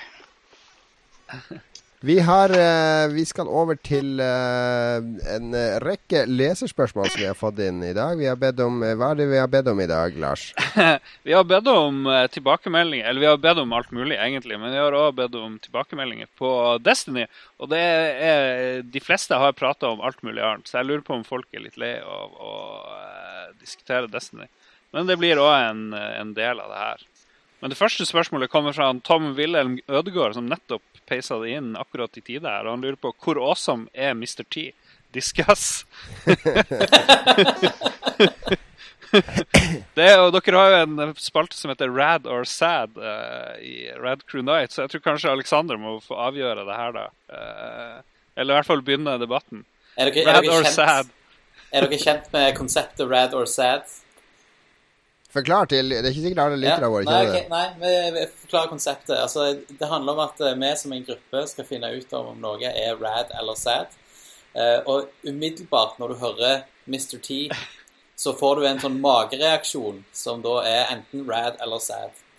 Eh, men det, poenget her er ikke nødvendigvis å lytte på den. Du må tenke over det. Altså, la den umiddelbare magereaksjonen få hvile litt. Og så tenker du over det og kommer med et logisk resonnement for hvorfor noe er rad eller sad. Ja, så det, det, det er lov å si hva sin umiddelbare reaksjon er, da. Det, det er lov å si han, men han, Ja. du har ikke lov til å ha det som, din, eh, som det du går for. OK, da har vi reglene. Da har vi reglene. Jeg kjenner jo han egentlig bare fra, fra A-Team, som jo jeg digger. Og der er han jo konge. Han er vel veldig godt uh, casta, for han er kanskje ikke verdens beste skuespiller, men, og han er sikkert bare seg sjøl, men han er jo Ja, han er har jo en veldig kul. viktig hook i A-Team, for han har jo flyskrekk, da. Så hver gang de skal ut og fly, da sier han No, I'm not going ja, up in ja. no damn plane! Så må de dope han ned, og så tar de ham Ja, så må de alltid dope han ned, og så våkner han opp. Han er aldri sur for at de bare putter en masse drugs i ham og slager han om bord på et fly. Han er aldri sur, han bare våkner opp og Åh, gjorde dere nå det igjen? Og Hadde du Men blitt det er jo, altså Nei, det var, skulle til å si det er jo jævla deilig å få sove hele flyturen Ja, istedenfor å sitte i sånn tolv timer og, og lide i et sete. Jeg tror jeg hadde foretrukket det, egentlig. Uh, Jeg- ja. Kompisen ga han masse altså. drugs. Så klarte han Jeg syns det er greit. Men men jeg, jeg syns jo han var rimelig cheesy da jeg var ung, men da hata jeg jo alt som var annerledes og skilte seg ut i min, eh, min usikre, nevrotiske ungdomstid. Men nå når jeg er eldre, så syns jeg han er fantastisk. Men det snakker vi altså her Mr. T pre Altså, det er jo en pre Snickers-reklame Mr. T, og så er det en post Snickers-reklame Mr. T. Oi. Det er to helt forskjellige Mr. T's. Eh, du har, han, han gjorde det fantastiske feilsteget å spille i en eh, forferdelig dårlig Snickers-reklame. Som er Oi. utrolig homofob eh, og helt for jævlig dårlig lagt. og han fikk jo Altså, hele brandet Mr. T eh, ble jo et, eh, en, en stund der eh, fullstendig ødelagt pga. den reklamen. Det handla altså om at han, han gikk bak en jogger som Ja, helt tydelig så var det de som hadde lagd reklamen, ville at denne joggeren skulle se ut som han spilte på andre laget. Så kom han og sa 'run like a real man' og begynte å skyte snickers på han med en mitraljøse. Ja, ja, men det må vi tilgi. Vi tilgir Altså, jo alle kan ha eh, dårlig dømmekraft. ja. Vi tilgir jo uh, Steven Segal de der uh, låsesmedreklamene, eller hva det er, hvor han henger av seg ja, Hvis du ikke tilgir han, så er det jo uh, nakkebrudd, holdt jeg på å si. Så ja, Nei, jeg vet ikke om jeg mener det. The, the ponytail whale får vi holde utafor. nei, skal vi se. Han hadde et realityshow som het I Pity the Fool i 2006. Det har jeg lyst til å se. Jeg skjønner det. For ja. Eh, altså, jeg, etter å ha tenkt en stund, så vil jeg eh, gå for eh, Rad. Og eh, det, grunnen til det er rett og slett pga. barndomsminner fra A-Team. Det var en stund på TV3, når TV3 var en sånn nordisk og hadde sånn der eh, Logoen til TV3 var alle tre Ja, ja, det var i- på alle, i alle flagg. Ja. Eh, På den tida så gikk eh, A-Team eh, på TV3, og da gikk òg Baywatch, Night Rider og Baywatch Nights. Så i, i en sånn der meg og kompisene mine kalte det for tre ganger Hasselhoff.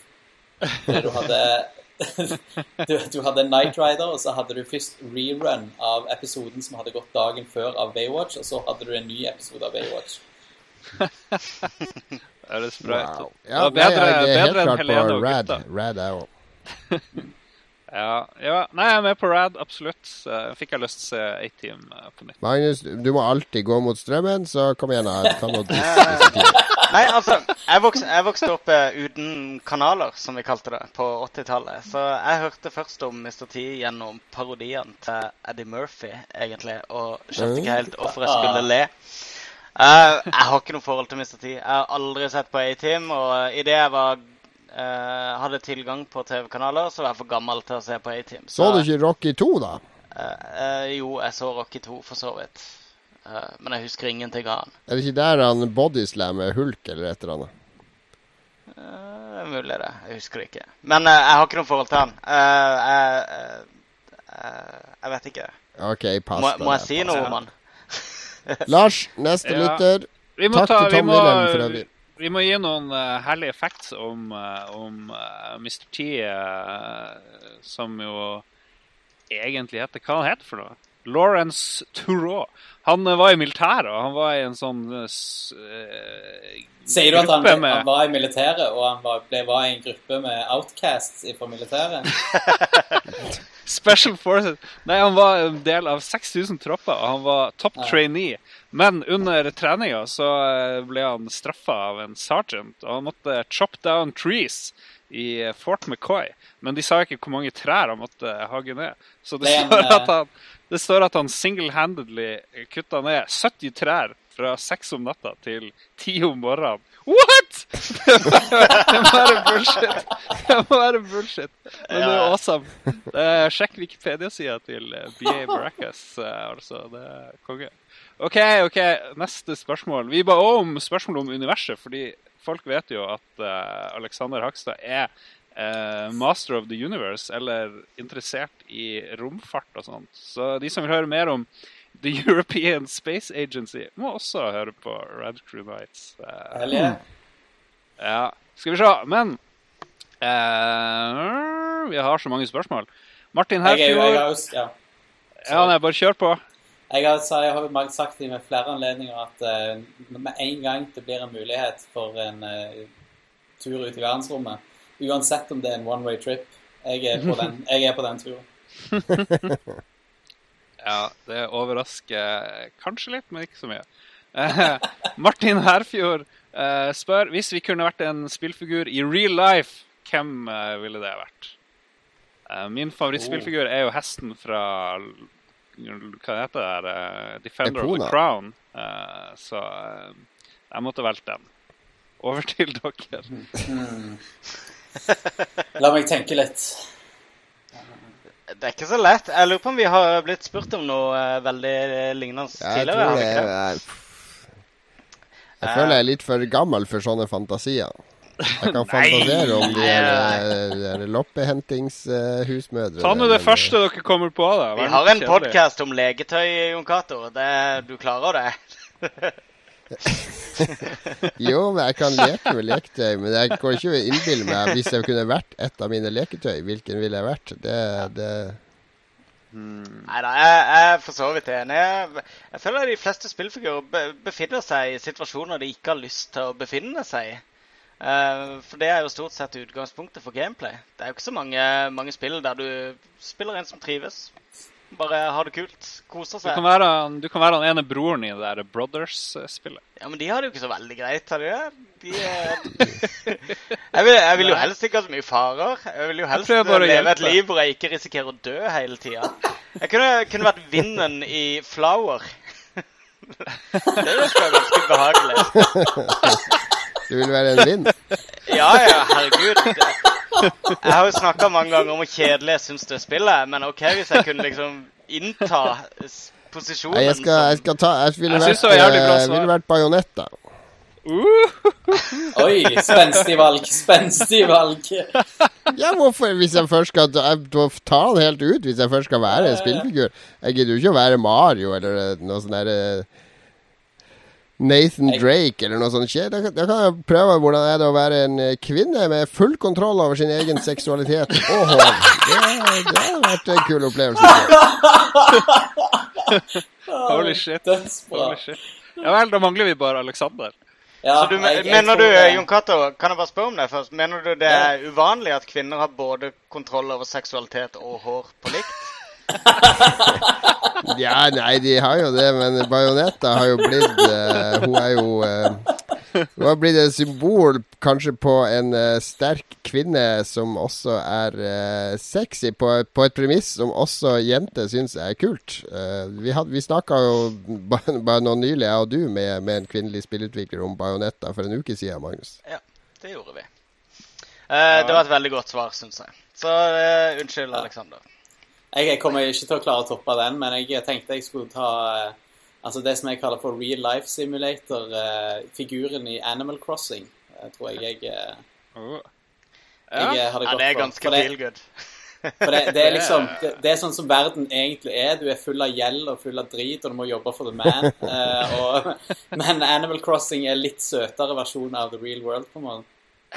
Ja, jeg, jeg tenkte på Sims en liten periode. For det, de har en veldig sånn grei sånn der uh, uh, Veldig grei sånn målbar. De, de har liksom sånn syv kategorier i livet å ta hensyn til, og alt er veldig greit og oversiktlig og løsbart. Men uh, så har jeg jo som sagt den historien jeg hadde forrige gang om han som skapte massemordere, sånn psycho-killers i Sims og sånn, gjorde at jeg gikk bort fra den. Og jeg husker også de der som griner i dusjen. Jeg har ikke lyst til å være en av de. Som alternativ til hesten i Defender of the Crown, så tror jeg jeg har han Larry Laffer eh, som standby. Ja, han tenkte jeg òg på. Men det blir litt for close to life.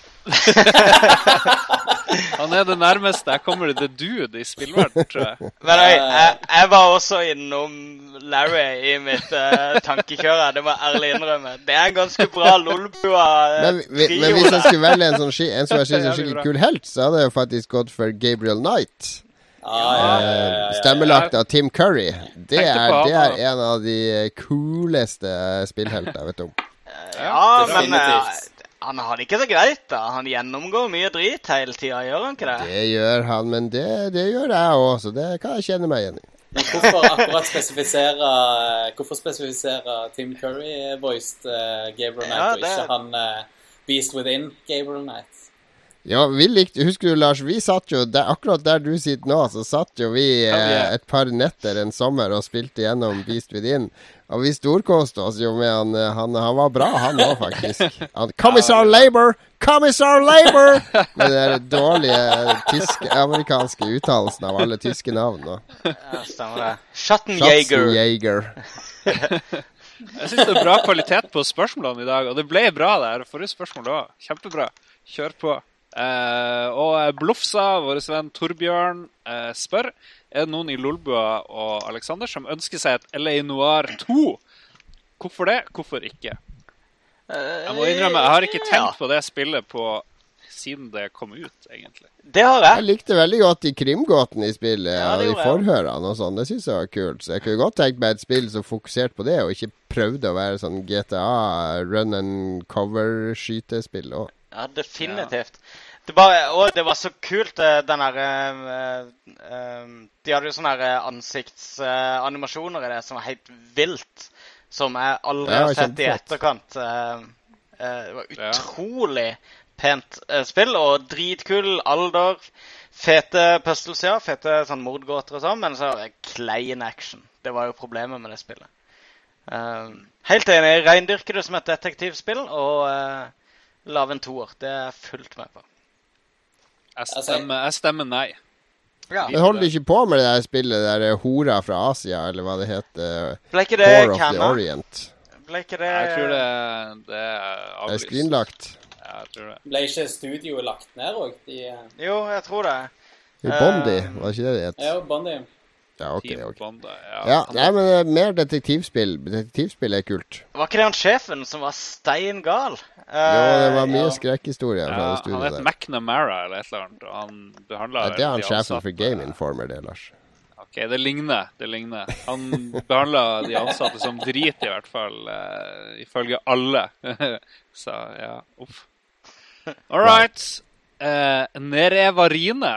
Ja, det han kjenner jeg til. Han spør hvordan går det med Dwarf Fortress, Jon Cato. Jo, det kan jeg informere om at vi har jo fått en, uh, vår første gjesteskribent på Lolbua, nemlig Øyvind Eliassen. Og han, hard, han rører ikke konsollspill, han er hardcore, og da mener jeg super-hardcore PC-spiller. Han spiller modda PC-spill eh, time på time på time, og han har masse erfaring med Dwarf Fortress. Men han har sagt til meg at akkurat nå er en veldig dum tid å starte på Dwarf Fortress, fordi for første gang på to år eller noe sånt, så har de som lager spillet, faktisk kommet med en oppdatering som gjør at mye av de der eh, modsene til det ikke virker, det med grafikk og sånn, så han anbefalte meg å vente. Så mitt svar til Nere Varine Fortsett å mase på meg om noen måneder. Eh, Minn meg på det, for jeg skal spille det en gang. Men jeg må følge vår, vår PC-guru sitt råd. jeg, jeg må vente litt. Ja, han Nerevarine Jeg husker ikke hva det ekte navnet var, men han mente at utgaven fra 2012 da var, var VM. Ja, han ga, kom med noen konkrete tips, men, eh, men eh, jeg, jeg venter litt, fordi akkurat nå er det høst, og jeg driver og anmelder spill i huet og ræva for ulike medier. Så det der å sette seg inn i Dwarf Fortress akkurat nå er utfordrende. Men når desember kommer, da er det dødtid. Og hvis det er spillbart Hvis Øyvind sier go da, så skal jeg gå for det. Ok, Vi må få Øyvind med som gjest, da. Det må vi skrive ned i lista vår. Absolutt. Eh, skal vi se. Hermoda eh, spurte på forrige sending sin YouTube-greie i kommentarfeltet spilljournalistikk, eller han sier spilljournalistikk har tydeligvis et troverdighetsproblem. Om en sånn her reaksjon kommer fra folk, og mange nettsider svarer med å erklære gamere som kvinnehatere og sette alle i bås med idiotene som sender dødstrusler. Det er jo eh, Gamergate eh, vi snakker om. Men Ja. han mener da at spilljournalistikk har et eh, problem. Eh, jeg vet ikke om vi skal gå så dypt inn i det her, men han har jo et poeng. Den har jo et troverdighetsproblem, vil Jeg tror- si. da. Jeg tror egentlig ikke det dreide seg om at alle gamere ble erklært kvinnehatende eh, osv. osv. Men det var veldig mange som var ute og sa at, eh, at det der uttrykket 'gamer' er dødt. Og ble egentlig kun brukt av den gjengen der som, som eh, eh, stort sett stilte seg bak sånne eh, hataksjoner på nettet. Så eh, jeg forstår hvorfor han oppfatter det sånn, men jeg tror kanskje ikke det var sånn det var tiltenkt. At eh, alle som spiller dataspill, hater kvinner. Ja. Vi har tatt den, eh, tatt den eh, debatten der. Erik Hofsøy sier uh, repost siden vi ikke rakk det i forrige episode. Det stemmer. Uh, siden Yokato har snakka så varmt om brettspill i flere av episodene, så lurer han på hva anbefaler du, Jon, eh, av brettspill for nybegynnere? Det er utrolig mye å ta av, fordi det finnes utrolig mange forskjellige brettspill. ehm, så det er vanskelig å si bare ett. Men hvis du skal inn i den sånn sjanger som er veldig populær, eller de som er veldig grei, som mange begynner med, sånn Settlers of Katan og sånn. For da begynner du å lære deg noe som heter worker placement, som er veldig sentralt for mange europeiske spill. Men hvis du vil rett inn på noe toppspill som ikke er sånn utrolig komplisert å lære seg. Så etter jeg har spilt mye i det siste, heter Terra Mystica, som er sånn tilnærma et perfekt eh, brettspill. Det er ren strategi, det er helt uten flaks. Veldig fine brikker og brett og masse, masse, masse herlige komponenter å leke med og ting å lære seg og taktikker å bruke. Så jeg anbefaler Terra Mystica. Det er ganske beinhardt, egentlig. Uh, men Jeg kan anbefale veldig mange forskjellige, men, uh, men gå på gamer.no altså søk på brettspillanmeldelsene mine, så kan du skimme et par av de, og der skriver jeg alltid om det passer for nybegynnere eller alt mulig sånn, så, så får du noen tips. Det, fordi det er mm det, det, er litt hva du har lyst til å spille. Vil du ha en historie, eller vil du konkurrere? Vil du samarbeide med andre, eller vil du duellere med andre? Vil du ha mye random, eller altså, Det er mye faktorer som spiller inn. Så det blir akkurat som å si jeg har lyst til å begynne å spille et dataspill, hva skal jeg begynne med? Uh, du, du kan begynne med alt mulig, avhengig av hva slags opplevelse du er ute etter. Det var et jævlig dårlig spørsmål, eh, Erik. Men eh, Jon Cato, eh, om du har vært borti et spill som heter Drageridderne før? Som heter? Drageridderne. Drageridderne? Jeg har ikke hørt den norske tittelen der, i hvert fall. Nei. Nei, for det er, et spill som jeg hadde når jeg var liten, eh, som var et slags eh, rollespill eh, hvor du bygde banen først. Og så handla det om å gå og ta eh, Du var fire riddere, så skulle du gå og ta en drage i, i det brettet som du bygde. Eh, jeg har ah. aldri klart å finne det igjen. Og jeg har eh, leita, for jeg har lyst til å ha en kopi av det for eh, minnene sin skyld. Fordi vi hadde det så kjekt med da jeg var liten. Har du, Spiller du noe særlig brettspill eh, for tida, Aleksander? Ah, Altfor lite. Eh, det er noe som jeg syns er utrolig gøy. Eh, altså Access and Allies har jeg spilt det skiten ut av i mange, mange år. Elsker typiske strategispill. Jeg er nok mer fan av I og med at jeg er strategigamer også òg. Altså, jeg digger jo Starcraft og har spilt man, ja, utrolig mengde timer av Starcraft i mitt liv. Uh, mm. så, ja, så jeg er veldig fan av den brettspilltype sjangeren òg. Uh, eh. ja, brettspill nå er i sånn gullalder, så det er bare å kaste seg over det. Det er en veldig bra brettspillklubb uh, utafor Stavanger. Oppi, uh, jeg tror det er oppe i Sandnes. Preikestolen Gamers heter de. Det er en av de beste brettspillklubbene i Norge. De har spillkvelder tror jeg, to ganger i uke, og de har alt av spill. Dette burde jo jeg visst, i og med at jeg er fra byen. Søk på Preikestolen Gamers på, på, nettet, så finner du dem. Det er, eh, det er, absolutt verdt å sjekke ut. Eh, han ene der har begynt å anmelde brettspill med meg i, i Gamer, og han er superhyggelig. Så brettspill er bedre enn dataspill. Ferdig med det. ja, slutt å spille dataspill. Jeg vil bare komme med et tips der. Eh, Carcassonne er jo et kjempeenkelt eh, ja, spill som ja, man kan holde på med i 100 år, fordi det blir nytt spill hver gang. Eh, søk på Carcassonne hvis du ikke vet hva det er. Det er veldig bra. Det finnes også på nettbrett, iPad og sånne Android-ting og tang. Funker veldig bra der òg. Ja. Uh, skal vi se Andreas Røise Haakensen. Han har eh, tatt utfordringa og sagt litt om Destiny. Og Han liker spillet, men han må innrømme at han er skuffa. Det er kjempegøy å spille med venner, men han ble lei de monotone oppdragene veldig fort. Kan vi få litt variasjon? Er det for mye å be om i et first person-spill? Koser seg uansett, så han faller jo i selskap med veldig mange. Uh, Destiny er helt OK, sier han. Jeg tror, jeg tror det er mer enn OK. Eh, men det er jeg tror, altså, som jeg sa i sted, at det, monotoni er ikke en uting i spill. Fordi det Ja, jeg orker ikke å utbrodere det enda mer nå. Men, Snakk Snakk litt om Tetris. Starcraft er jo òg monotont. Du bygger de samme basene og de samme styrkene. Og helt sant, helt sant. Det, det er jo akkurat det samme på nytt og på nytt og på nytt. Men du må ikke høre de samme cutscenene hele tida. Det er vel også litt av greia. ja. Men Starcraft er jo eh, Altså, det er jo til Altså, det er jo monotoni til det ekstreme. Det er jo sånn at du Altså, jo mer du får inn i muskelminnet, jo flinkere blir du. Så Men det er, jo multi, det er jo i multiplayer, hva? Ja. ja. Og det er multiplayeren i Destiny er også ensformig, Jon. Men uh, nå snakker han vel om singleplayer-oppdragene. Ja, hadde man bare kunnet Ja. hoppe over, eller man kunne valgt bare skip all cutscenes, fordi han er jævla Peter Dinklage har jeg ikke lyst til. Jeg irriterer meg ikke over han. Det må jeg ærlig innrømme. Jeg syns han er helt OK. Uh, ja, Jeg driver og roper til TV-en. Jeg blir skikkelig du til Ja, TV-en? Eh, tips, Lars. Uh, bytt språk til tysk, så får du uh, Peter uh. Peter Nachter. Det var et bra tips! Det var et bra tips.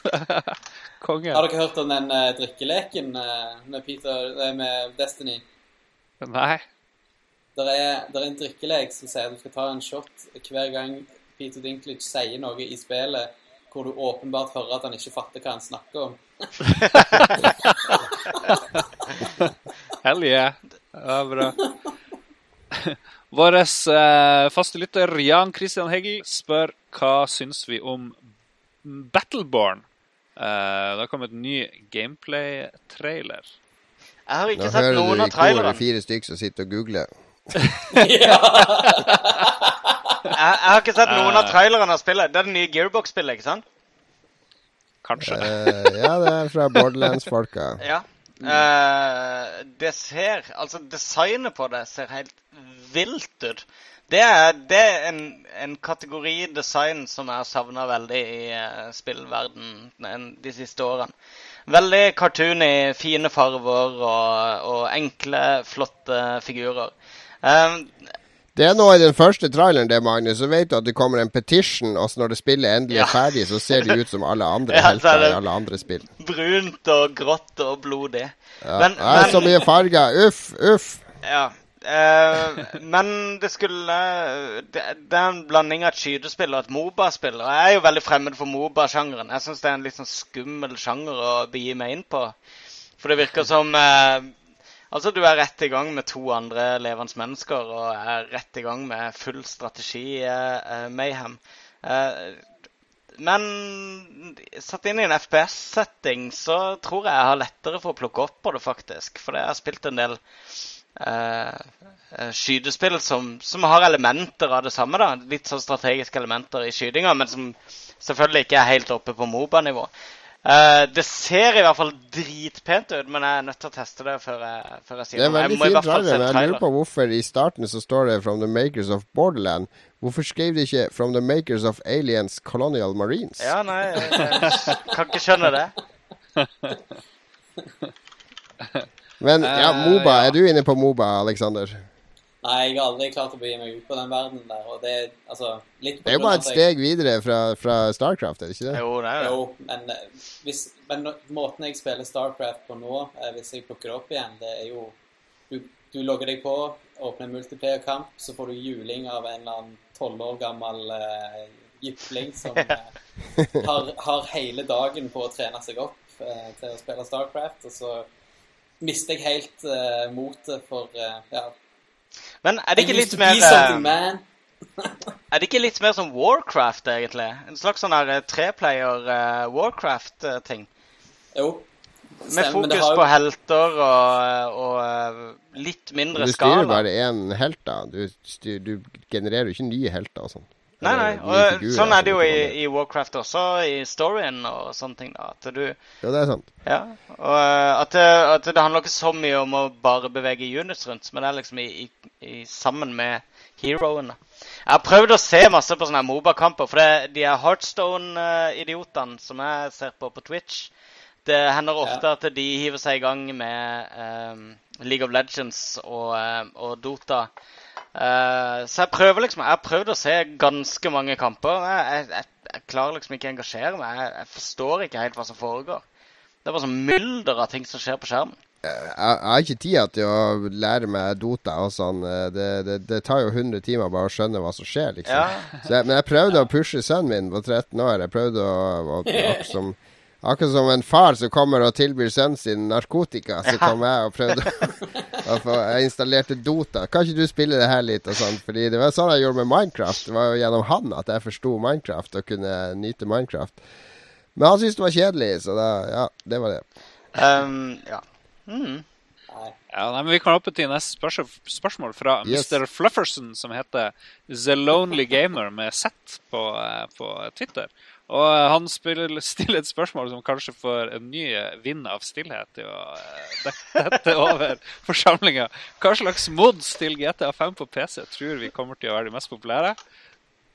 Nude mods. Og hva du sier nude mods? Ja. Det blir de er i Skyrim, alle de sexmodene fra Skyrim. Og hvilke mods ønsker vi å se? Jeg, jeg, har aldri, jeg har aldri brukt en mod i hele mitt liv, må jeg innrømme. Jeg, jeg har lyst til å se de gjenskape hele Skyrim i uh, GTA-enginen. og så gjenskape GTA i den Skyrim-verden de nettopp har skapt i GTA. Og så se åssen det blir. Hell yeah. Det er mitt drømmespill. Mind blown, baby. Yes. Meta Skyrim GTA. Kanskje eneste moden jeg kan tenke meg, er kanskje en som fjerner alt havet. Så man faktisk kan kjøre rundt og utforske havbunnen. Fordi jeg prøvde meg litt på de dykkebåtene og dykkinga, og det, det tar jo så sinnssykt lang tid å dykke. Og det skal visstnok være litt sånne ting gjemt her og der. Men det er ganske kjedelig å dykke, så kanskje hvis du kunne kjøre på hele havbunnen, det hadde vært litt kult. Ja. Ja. Kanskje Hva med, hva med en FPS-mod i uh, multiplayeren der? Det kunne vært kult, kunne ikke det? Spille GTA som en FPS? Det tror jeg hadde gjort seg. Ja, det finnes ikke nok FPS. Mod i vei. Det gjør ikke det. Det gjør faktisk ikke det. Hva med for eh, Arrested Development-fans å ha en uh, Never Nude-mod? ja, det hadde vært det. Alle løper rundt i dongerishorts. Det hadde vært uh... Eh, han eh, B. Seromus eh, På Twitter heter han BZ Eromus. Eh, lurer på hva er verst for store hitboxer eller rubberband eh, AI? Det blir litt sånn rad or sad eh, nesten eh, her igjen. Eh, store hitboxer, aldri hatt eh, problemer. Jeg, jeg vil ha større hitboxer, i hvert fall i sånn eh, Destiny og sånt. Eh, de var veldig store i eh, Flappy Bird, husker jeg, på eh, første utgaven på iPhone. Det var irriterende. Det er greit. Hva er en hitbox, kan du kanskje forklare for de som ikke vet? Ja, eh, karakterer og objekter i spill har gjerne en slags usynlig boks rundt seg, og hvis du skal skyte med dem, eller du skal kjøre rundt med dem, og fære rundt et trangt hjørne, så kanskje boksen som registrerer treff på den, er kanskje større enn en det du ser, og så krasjer du sånne usynlige ting. Ja, usynlige hjørner, egentlig. Ja usynlige hjørner. Ja. Det, kom, det kommer veldig an på spillet. da Hvis jeg spiller for eksempel sånn bullet hell eh, todimensjonal shooter, så er det jo helt krise hvis skipet jeg styrer har for stor hitbox. Eh, der, der har de gjerne for små hitbox, sånn at kuler går sånn der litt igjennom de, de berører skipet ditt, faktisk. De går litt gjennom utkanten av skipet ditt uten at du dauer. Og det er essensielt i sånne spill. Men i eh, FPS og sånn, så syns jeg det er greit. Jeg husker i Mass Effect 1, husker du det? Det var jo veldig mye mer rollespill enn skytespill. Og der husker jeg, der var det sinnssykt irriterende hvis jeg brukte sånn sniperrifle, så hadde jeg perfekt i sikte hodet til han der jeg skulle skyte, midt i sikte, så skjøt jeg, så bare bom. Fordi at terningen tre hadde ikke høy nok Det skill. var konge. Det var konge. Altså, Det var, eh, derfor, det var derfor jeg ble sur av å ikke like Mass Effect 2 og 3, fordi de fjerna det rollespillelementet. Det ble bare skill. Det, det, det er ikke noe for meg. Uh, ja, men sånn her Men eh, uh, Rubberband AI, da, hvis vi skal forklare det. Det er et sånn racingspill når du liksom aldri er helt klar å kjøre fra noen. At de henter seg alltid inn. At du aldri er suveren, på en måte. De henger som en strikke enten foran eller etter deg, og den strikken eh, er der usynlig, men de, du klarer aldri å kjøre fra noen, f.eks. Eller de andre klarer aldri å kjøre fra deg, fordi det, Men- alle henger på en sånn elastisk greie. Jeg vil si at uh, Rubberband Eye det er der for å forbedre opplevelsen for spilleren. For det er noe de kan kutte hvis de vil. Eh, men det er der for at du hele tida skal ha en utfordring, eller hele tida muligheten til å klare det. Så det, er- altså, det er i hvert fall et tiltak for å prøve å gjøre spillet gøyere. Eh, mens det andre er eh, et irritasjonsmoment som egentlig ikke skal være der, og som programmererne aldri ville hatt der hvis, eh, hvis de hadde blitt klar over det. Er ikke det relativt riktig? Så det ene er Jo, det er ønska jo- utviklerne, det andre er ikke Det er jo det, men det, det handler jo også om altså, ja, Rubberband AI handler jo om å gjemme på en sånn måte at du ikke skjønner at det skjer. Det er klart, det Eh. er klart. Men, men jeg mener intensjonen bak disse to er at den ene er eh, bevisst fra utvikleren, Den andre er Ja, ja, ja, det er det. Eh. Rubber Band AI, det var mange som hadde gitt opp mange bilspill hvis det ikke var sånn. Ja, Men det går an å gjøre det smart. Ikke sant? Det går an å gjøre at hvis du ligger langt bak, så kjører feltet litt utafor veien, og det blir litt sånn der møljekollisjon, og alle må komme seg på veien igjen, sånn at du tar det igjen. I stedet for at du sier oi, nå kjører alle plutselig 40 fordi at, fordi at jeg er så sinnssykt dårlig. Ja. Eh, da, da føler du at, uh, at spillet gir deg medlidenhet, og det vil du ikke ha. Nettopp. Så det finnes grader av Rubberband AI, da. Som, som uh, no, eh, hvor Men det funker, også og en, Husker du det var en sånn kul sånn hitlåt som heter Rubber Band Man fra, fra Yellow? uh, Nei. Okay. Jeg er veldig dårlig på yellow. Om en, han som oppfant rubberbanding i bilspill. Han kalles bare for Rubber Band Man. Jeg hadde en teori om at alle som likte Yellow, var, likte de bare fordi de hadde sånne fete høyttalere med bra bass og sånt. For det var sånn perfekt ja. måte å utnytte høyttalerne sine på med den der saksofonen de bestandig hadde. Det Det gikk mye Yellow på hifi-rommet til Akersmik når folk skulle teste høyttalere og anlegg. Men det er faktisk favorittbandet til mammaen min. Uh, Oi, da må Hun vi ikke snakke for mye dritt drit det. om hun har ikke noe fet bilstereo. Da må vi ikke snakke for mye drit om Yellow, for jeg regner med hun hører på som vanlig. um, jeg går for at Rubber Band Eye, eller dårlige Rubber Band Eye, irriterer meg mest. Ja. Ja, jeg har egentlig ikke hatt jeg- noe problem med hitboxer som har irritert meg selv. Det har faktisk jeg. Det er mange FPS-er der jeg på en måte prøver å stikke av fra en situasjon hvor jeg holder på å dø. Og så, så har jeg kjørt meg opp i en sånn her kant som gjør at jeg, jeg står fast. Eller jeg sitter fast i noen omgivelser som jeg egentlig ikke skal sitte fast i. eh, som gjør at jeg blir drept. For jeg klarer ikke å komme meg unna kjapt. Ja, det, det opplever aldri jeg, for jeg er ganske flink, så det irritasjonsmomentet eksisterer ikke for meg. Okay. Vi må ha et svar fra, fra Stavanger òg. What says the Stavanger jury? Jeg har aldri hatt noe særlig problem med for store hitboxer, eh, verken i, på privaten eller i, eh, i På privaten. Eller i Ja. spill, så jeg tror jeg, jeg går for uh, rubberbands, at det kan irritere meg mer enn uh, en hitboxer. Men jeg tror konsekvensene av utviklere å lage hitboxer-feil uh, er mye større enn for dårlig rubberband-AI. For det, altså, ta, Hvis du sier et nytt Street Fighter-spill hvor de har fucka opp det, da uh, får du en del fans på nakken. Jeg tror det her er podkasten i verden som har sagt Rubberband Eye flest ganger i samme sending. Skal vi se Skal vi bare Hvis vi tar ett minutt nå, og alle sier det hele tida uh, Så kanskje vi kan ta en verdensrekord som aldri ble slått. Tenk deg det. Vi kan bli historiske. Nei, Jeg vi, snorker allerede. ja. Ja. Var det alt vi hadde for i dag? Det var alt. Takk for alle spørsmål.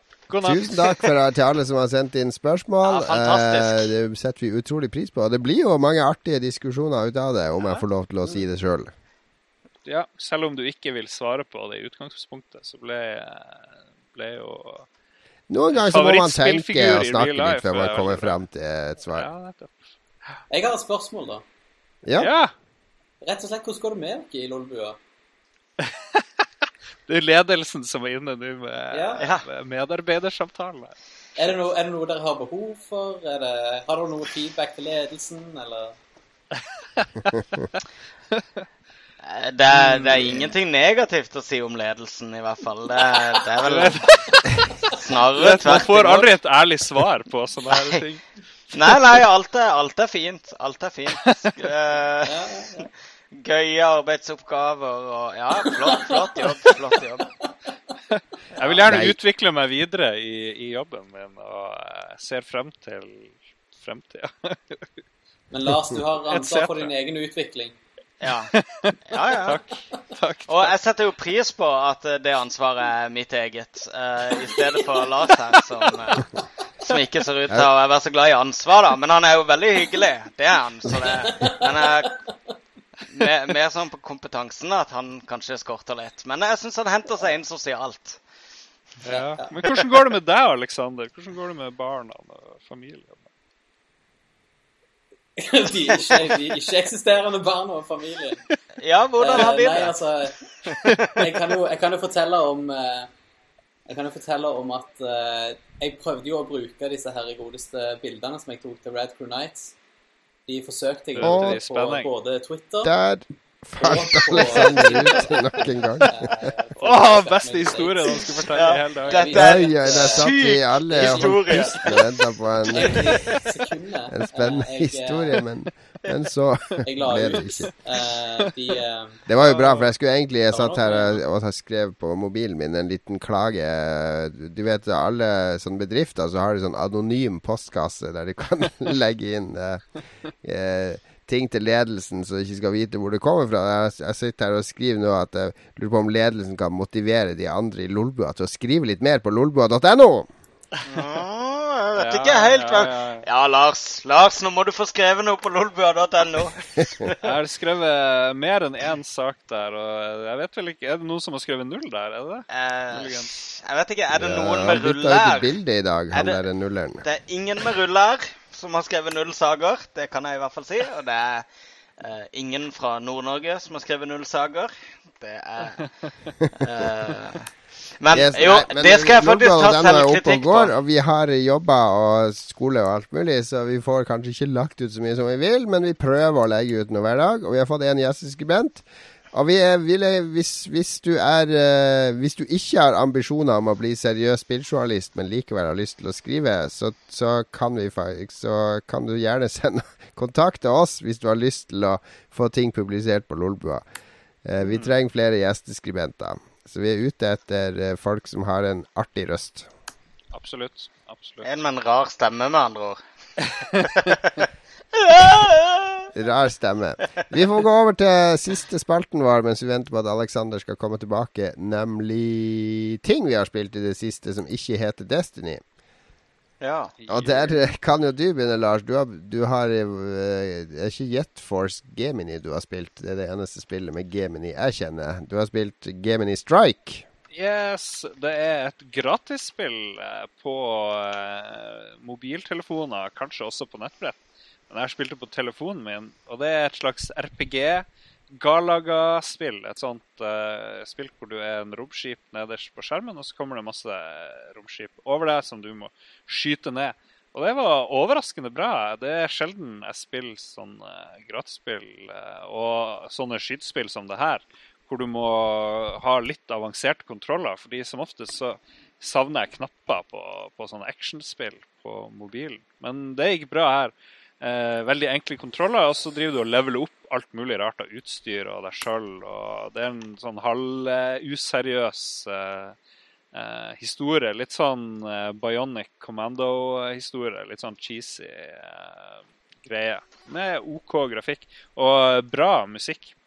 Men det, er- det er eh, gratis. Hvor er catchen her? Hvor er, er, det- er det mikrotransaksjoner? Er det sånn energi, Ja. energi som tappes og må fylles opp over tid, eller? Nei, det er ikke sånn at du må drive og vente, i hvert fall sånn som i Candy Crush, på å liksom få lov å spille mer. Så det, det jeg, jeg sleit med å finne ut hvordan jeg skulle betale. Så for så langt jeg har spilt eh, noen timer, så går det helt greit. Det kan godt hende at det går til helvete, men eh, for noen timer i hvert fall gratis eh, god underholdning når du sitter på Kanskje det er sånn aula i starten som du trykker agree på, at eh, for hvert skudd du skyter, blir du trukket én krone fra kortet. Du Ja. selger sjela di for uh, en li liten bit av sjela di som forsvinner hver gang. Men det anbefaler du varmt, altså. Gemini Strike. Jepp, det er veldig OK. Men eh, ellers annet så har jeg ikke rukket å spille noe annet enn eh, Destiny. Så jeg er litt uh, engstelig for min ukentlige spillside jeg skal sende ut til ting og tang. Så jeg må begynne etter den her og, og uh, spille mer på et spill. Jeg har spilt litt, så, men uh, jeg har ikke spilt noe mer på noe annet som jeg kan si så mye mer fornuftig om.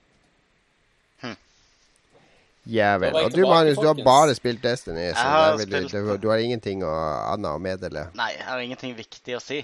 Annet enn eh, alt jeg allerede har sagt om eh, Destiny. Jeg har også spilt litt Phoenix Wright, som jeg nå ikke har runda. Og eh, det, er- det er perfekte T-banespill. Det, har kan jeg du, nok en gang det er ditt fallback-spill. I hver sending når du ikke har spilt noe nytt, så faller du tilbake på Phoenix Wright. Wright. vet du hva? Dette er- Heartstone, dette er det Phoenix Wright. Første gang på veldig veldig lenge jeg ikke har spilt uh, et nytt spill. Så uh, akkurat der tar jeg ikke selvkritikk. Veldig lenge, sånn Jeg har spilt masse spill, så Veldig lenge for meg. Hva jeg syns er veldig lenge. Det er det som er viktig. Fortell, Jon. Nei, jeg har, spilt, jeg har spilt veldig mange spill, eh, faktisk. Jeg har spilt eh, Det morsomste er kanskje Soccer Physics, som er et spill til eh, IOS og Android. Um, det, det, jeg kan allerede nå si, selv om jeg ikke har prøvd Fifa 15, at det her er mye bedre enn Fifa 15. Det, det, det er sånn 2D-spill, da. Så er det et mål på hver side av skjermen. Du ser det fra sida, da. Og så står det to spillere foran det ene målet, og to foran det andre. Og de er sånne sprellemann-spillere. og så kommer det en ball ned i midten, og så har hver spiller Man spiller to spillere på samme skjerm, da. Så eh, han som har målet på høyresida, han har en knapp på høyresida nederst, og han andre har knapp på venstresida nederst. Og hver gang du trykker på knappen, da, så spreller de mannene ut armer og bein og hopper litt opp i lufta. og det er den eneste kontrollen du har, da. Så det blir sånn der eh, mølje-orgie på den der fotballbanen med de spillerne som ligger på hodet oppå hverandre og spreller, og det blir selvmål. Og det er bare så totalt useriøst og teit, eh, og ergo derfor eh, kjempeartig. Hvis du skal spille et spill på vorspiel, et fotballspill på vorspiel så får alle til å le, så er det det spillet der. Det er ikke Fifa. Koster den, da? Koster 7 eller 14 eller noe sånt, men det er vel anvendte penger, for det kan du og Mats sitte og kose dere med eh, under middagen og, og, og andre kosestunder dere har hjemme. takk, takk. Det er veldig artig. Men et annet spill Jeg kan ta ett spill til jeg har spilt. Der har vi spilt uh, PlayStation Vita-spillet Murasaki Baby. Uh, som er et todimensjonalt uh, puzzle-eventyrspill. Der du styrer Det er laga av en eller annen dude som var med og lagde No More Heroes og, og Killer Seven og alle de her kultspillene der. Det har en helt fantastisk eh, grafisk stil. Det er sånn håndtegna tegneseriegrafikk. Du styrer ei lita jente som våkner om natta. Det er sånn monsterjente. Altså, hun har, hun har munn i panna da, og øynene nederst. Og Hun er helt utrolig flott animert, og så har hun en ballong med et hjerte på. da. Uh, den kan hun ikke miste, og leter etter mora si. Og de brettene, den lyd atmos, Altså den stemninga av grafikken og, og, musikken og lydene er helt fantastisk. Uh, du blir helt så, det, det er sånn marerittaktig håndtegna tegnefilmverden. Og så Og den store catchen er at du styrer kun med touchscreen på, på Vitaen. Og her kommer mange til å Hæ, hvorfor skal jeg ikke få styre med spakene og hoppe og alt mulig sånn? Men du, du tar hånda hennes du tar fingeren din på skjermen der hun har hånda, og så drar du den mot høyre. Og da går du Du leier henne bortover skjermen, da. Så du må leie henne, for hun er redd. ikke sant? Så du må leie henne bortover. Litt som i Ico, den der eh, Når Ico går attmed Jorda, eller hva hun heter. Så må han ta henne i handa og leie henne. Du får, får sånn, her får du en sånn fysisk connection til henne, jenta. Så jeg drar henne med meg bortover. Og så bruker du bakskjermen òg, så, så, du låser opp forskjellige bakgrunner for brettene. Og da forandrer eh, stemninga seg på brettet. Du kan På det første brettet for eksempel, så går du fra en grå bakskjerm, og så kan du skifte til en blå. Og der regner det. Så hvis du tapper på den skjermen, så kan det komme regn som slukker brann, eller det fyller opp en sjø så du kan seile over med en båt. Og så kan du skifte til en sånn oransje vindmøllebakgrunn. Og når du tepper skjermen da, så blåser det en vind. Så du bruker de forskjellige bakgrunnene til å løse forskjellige puzzles. Mm. Og så er det fire verdener. Da. Jeg er nesten ferdig med verden to. Og de er helt forskjellige fra hverandre. Det er helt nye sånne bakgrunner og sånn. Så i første så er det liksom elementer. Det er vind og regn og, og sånne ting. I andre så er det, det er sånn TV-skjerm Det er sånn bakgrunn med masse TV-skjermer. Så når du trykker der, så blir det masse masse sånn eh, støy fra TV-skjermene og TV-programmer. Det er for å distrahere folk som står i veien for deg, så du kan gå forbi mm. de. Utrolig mange artige konsepter. Det er, det er virkelig Det er nok et sånn superhøydepunkt for Vita. Kult. Men jeg driver og lurer på Anmelder du noe særlig Vita-spill? Jeg tenker er det noen som driver og spiller aktivt på den Vita? Det er veldig jeg få. Jeg kjenner ingen som gjør det, egentlig. Som jeg vet om, i hvert fall. Nei, det er veldig få. Det er veldig synd. Altså, jeg, er jo, jeg er jo falt i den uh, jeg er jo i den kategorien sjøl at den Vitaen har ligget her nå siden mai, tror jeg. Altså Hver gang jeg tar opp Vitaen og slår den på og har lada den, og så scroller jeg ned, og så ser jeg alle spill, så tenker jeg herregud, for en kul spillmaskin. Og herregud, så mange kule spill her. Der ligger Spelunky, og der ligger Hotline Miami. Ja. Og, og det ligger, jeg har så mange kule spill på den. Eh, kvalitetsspill. Persona 4 og alle de, alle de gode spillene der. Det er så, den er egentlig veldig god å spille på, men og så tenker jeg hvorfor spiller jeg ikke mer på den her? Og så når jeg har lagt den fra meg, så, så glemmer jeg de tankene med en gang. Det, det er en vanskelig maskin å spille konsekvent på. Ja, det er synd. Det er synd. Absolutt. Men jeg tror det Sony gjør nå med Vita Nå reprofilerer de den jo helt Nå satser de fullt ut på de der sære japanske spillene og de der eh, Alle de rollespillene og alt det der sære som kommer ut. Så fordi det er det Det er det folk spiller på. De er de, de, de er slutt på Uncharted nå, hadde de sagt, og, og alle de der forsøkene på å lage storspill på den. Så nå Ja, det er Ja. helt greit. Ja, nå blir det en litt sånn dedikert, eh, fokusert uh, liten spillmaskin. Og det jeg håper, jeg håper den får leve noen år til. Men det, tror du han det er gjør det? bra spillmaskin. Tror, tror du han kommer til å fortsette å leve? Tjener, tjener de penger på den, liksom? Er det lønnsomt å beholde den? Eller, men, eller Jeg tror ikke de taper penger på den, Nei, fordi nettopp. det koster, de, hardwaren går vel i null. Og så å si alt av spillsalg er jo digitalt, og det tjener de bra på. Ja, ja er det kun, kun digitalt? Jeg vet ingen butikker lenger som selger Vita-spill. Det er i hvert fall ikke noe satsingsområde. Nei, riktig. Det er like greit å holde det digitalt. Ja, definitivt. Da er det vår gjest til slutt. Vi får håpe han eh, ikke oljeindustrien kommer og tar linja igjen, for nå skal vi nå veldig spent på hva annet enn Destiny Alexander har spilt. Faktisk eh, to spill. Eh, Jeg har jo Jeg hørte jo på Transistor-episoden, eller episoden der dere snakka om Transistor. Og det er jo et spill som jeg ennå holder på med. Mm. Det, jeg vet ikke hvor mye mer dere har spilt det, men det er et spill som bare blir Dere nevnte det så vidt når dere snakket om det òg. Det er et spill som bare blir bedre og bedre jo lenger du kommer i det. For jo mer og mer åpner du opp av spillet. eh, Som eh, Ja. Mm. Det er jo sinnssykt bra stemning og musikk. Ja, for en magisk eh, verden, det. Ja, det er, det er så fantastisk. Og, eh, men det som er kult, altså hvis du faktisk går inn for å gjøre veldig mye av de eh, eksperimenteringer som krever for å løse opp storyen, så får du vite mye mer om den fantastiske verdenen. Eh, men det krever så mye innsats for å finne Og det er jo for så vidt noe jeg syns er kult, da, at de har gjemt det såpass. Eh, såpass mye som de har gjort. Eh, For du, du må jo spille med masse forskjellige, forskjellige kombinasjoner av functions, masse forskjellige typer angrepsstiler, masse forskjellige typer modifiers, og ja, du må rett og slett Du kan i det spillet, hvis du har lyst til å få hele spillopplevelsen, så har du ikke mulighet til å finne den favorittkombinasjonen din og stick with it. Du må eksperimentere og eh, ja, du må prøve i forskjellige ting. Det er kult. Ja, jeg er superfan av det spillet. Eh, så har jeg òg prøvd eh, spillet Valiant Hearts. Det er det første verdenskrig, tegnefilm, eventyr, plattformspillet. Ja, og det er vel Jeg spilte det egentlig av en sånn fascinasjon for at det så ut som et spill som jeg hadde hatt lyst til å spille når jeg gikk på skolen for å og lærte om Ja. første verdenskrig. Eh, jeg tror hvis, hvis sånne spill hadde eksistert mens jeg gikk på skolen, så hadde jeg kanskje stått på mimeskolen, altså eh, fullført mimeskolen. Eh, men det, det endte ikke sånn, for det, ja, det passet ikke helt for meg, måten ting ble framstilt på. Så jeg, jeg rett og slett Ja, Valiant Hearts. Sinnssykt kule kombinasjon av historiefortelling, men òg sånn faktanuggets underveis. Eh, Veldig... det er veldig lærerikt. Du lærer om de, de drosjene som kjørte soldater til fronten. Ja, ja, ja. Og utrolig mye sånne der, eh, morsomme fakta. Og så setter jeg òg veldig pris på at i, i midten av alt som skjer, så plutselig får du en sånn her eh, menyvalg.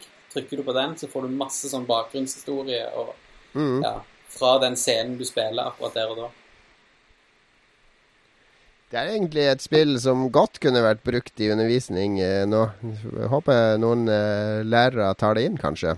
Det er jo det er flere eh, lærere i Norge som, som jobber ganske hardt med å bruke spill i, i, i skolesammenheng. Det hadde vært eh, perfekt kombinasjon, eh, spør du meg. Eh, jeg skulle ønske at noe sånt eksisterte mens jeg gikk på skolen. Vi driver og har eh, 25 stykk som følger oss nå på YouTube. Jeg kan jo bare si at det, alle de kommentarene som har kommet, de kan vi kommentere etter at den offisielle opptaket er ferdig. Så det er jo en slags grunn til folk som hører podkasten, til å gå på YouTube-kanalen vår så, og se både før og etter eh, opptak. Så har vi litt ekstra materiale. Exclusive. Det er, det, det er der vi tjener penger på. De, eh, The money shots. som akkurat nå ser. Jeg må bare, for podcasten sin del, så må jeg bare fullføre jeg, det jeg var inne på før det røyk. Historien. Ja. Ja. Eh, for, fordi jeg eh, rett og slett eh, Jeg prøvde jo disse bildene som ble tatt fra Ride Through Nights. De prøvde jeg å bruke som Ja, jeg prøvde å bruke det som Twitter-profilbilde. Det har jeg for så vidt ennå. Men det som skjedde sekundet etter jeg skifta profilbilde, var at jeg mista sånn fem følgere. det skjedde, det skjedde nøyaktig samme sekundet. og, og så, og så eh, prøvde jeg OK, med den suksessen i bakhodet, da, så tenkte jeg dette her må jo bare funke på Tinder, liksom. Så Hva er teorien din? Er du ikke, Nei, er du ikke vakker nok? Er det din uh, teori?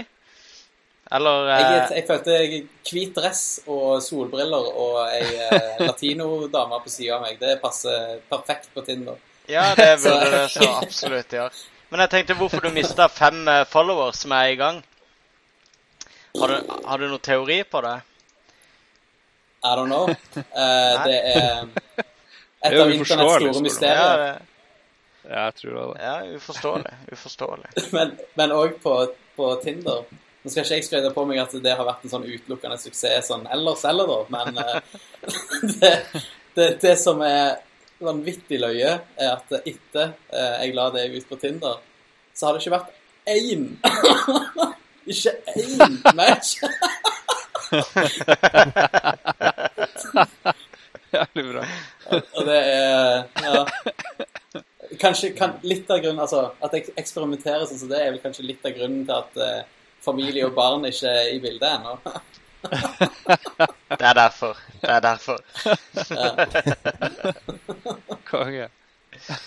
All right. Vi nærmer oss slutten her, eh, hvis jeg klarer å trykke på riktig Der kom riktig sang. Eh, på sendinga. Det har vært en, eh, en relativt lang sending. Jeg håper ja. det har vært informativt for våre lyttere. Vi har jo streifa rundt eh, som en full mann i et glassmagasin i dag og, og knust det vi har kommet over av temaer. Ja, Alt fra mediekrise til Destiny til eh, Dwarf Fortress og eh, Mr. T. Absolutt. Nei, jeg er fornøyd. Bra. Koselig å henge med hele gjengen der. Ja, like Gøy så. å få like eh, Alexander eh, Tusen takk for at jeg fikk lov til å være med. Ja, veldig, veldig, det har veldig vært en super gjest, Alexander. Jeg håper du leverer gode skussmål tilbake til eh, Gusta eh, når det gjelder drift. Eh, La oss si det sånn. eh, A for effort. Hva var det for oss? Vi er fornøyd bare vi får en bokstav i. Vi får ta en sending fra det her palasset ditt eh, nede i eh, Definitivt. Stavanger. Ja, vi skal Pics, pics or, it, uh, or it doesn't exist. Det, det er vårt krav fra det palasset ditt. Send bilder til Lolbua. Takk til alle som har fulgt oss live. Vi har hatt over 20 seere i dag. Det er overveldende mye. Vi begynner å føle oss som Skavlan på TV snart. Skavlan på YouTube. Takk til uh, Red Crew for at de holder ut med, med oss. Eh, takk til alle vi har spilt sammen med i Destiny, inkludert Morten og eh, et par til. For nå får vi sjekke om Morten, som sa han skulle sjekke ut Lolbua, faktisk har gjort det neste gang vi møter han i Destiny. Eh, takk til eh, eh, Har vi flere å takke nå? Mamma. Ja, takk til mamma og tante Else for at de alltid er inne og liker alt som legges ut på Lolbua. Det er sant. uh, og takk for at dere hører på oss. Følg oss på Twitter, at Lolbua. Følg oss på Facebook. Uh, søk opp Lolbua, så finner du oss der. òg. spill masse mer Destiny, selv om du både hater og elsker det. Og så snakker vi mer om Destiny i neste sending. Ha det bra! Ha det bra! Ha det bra!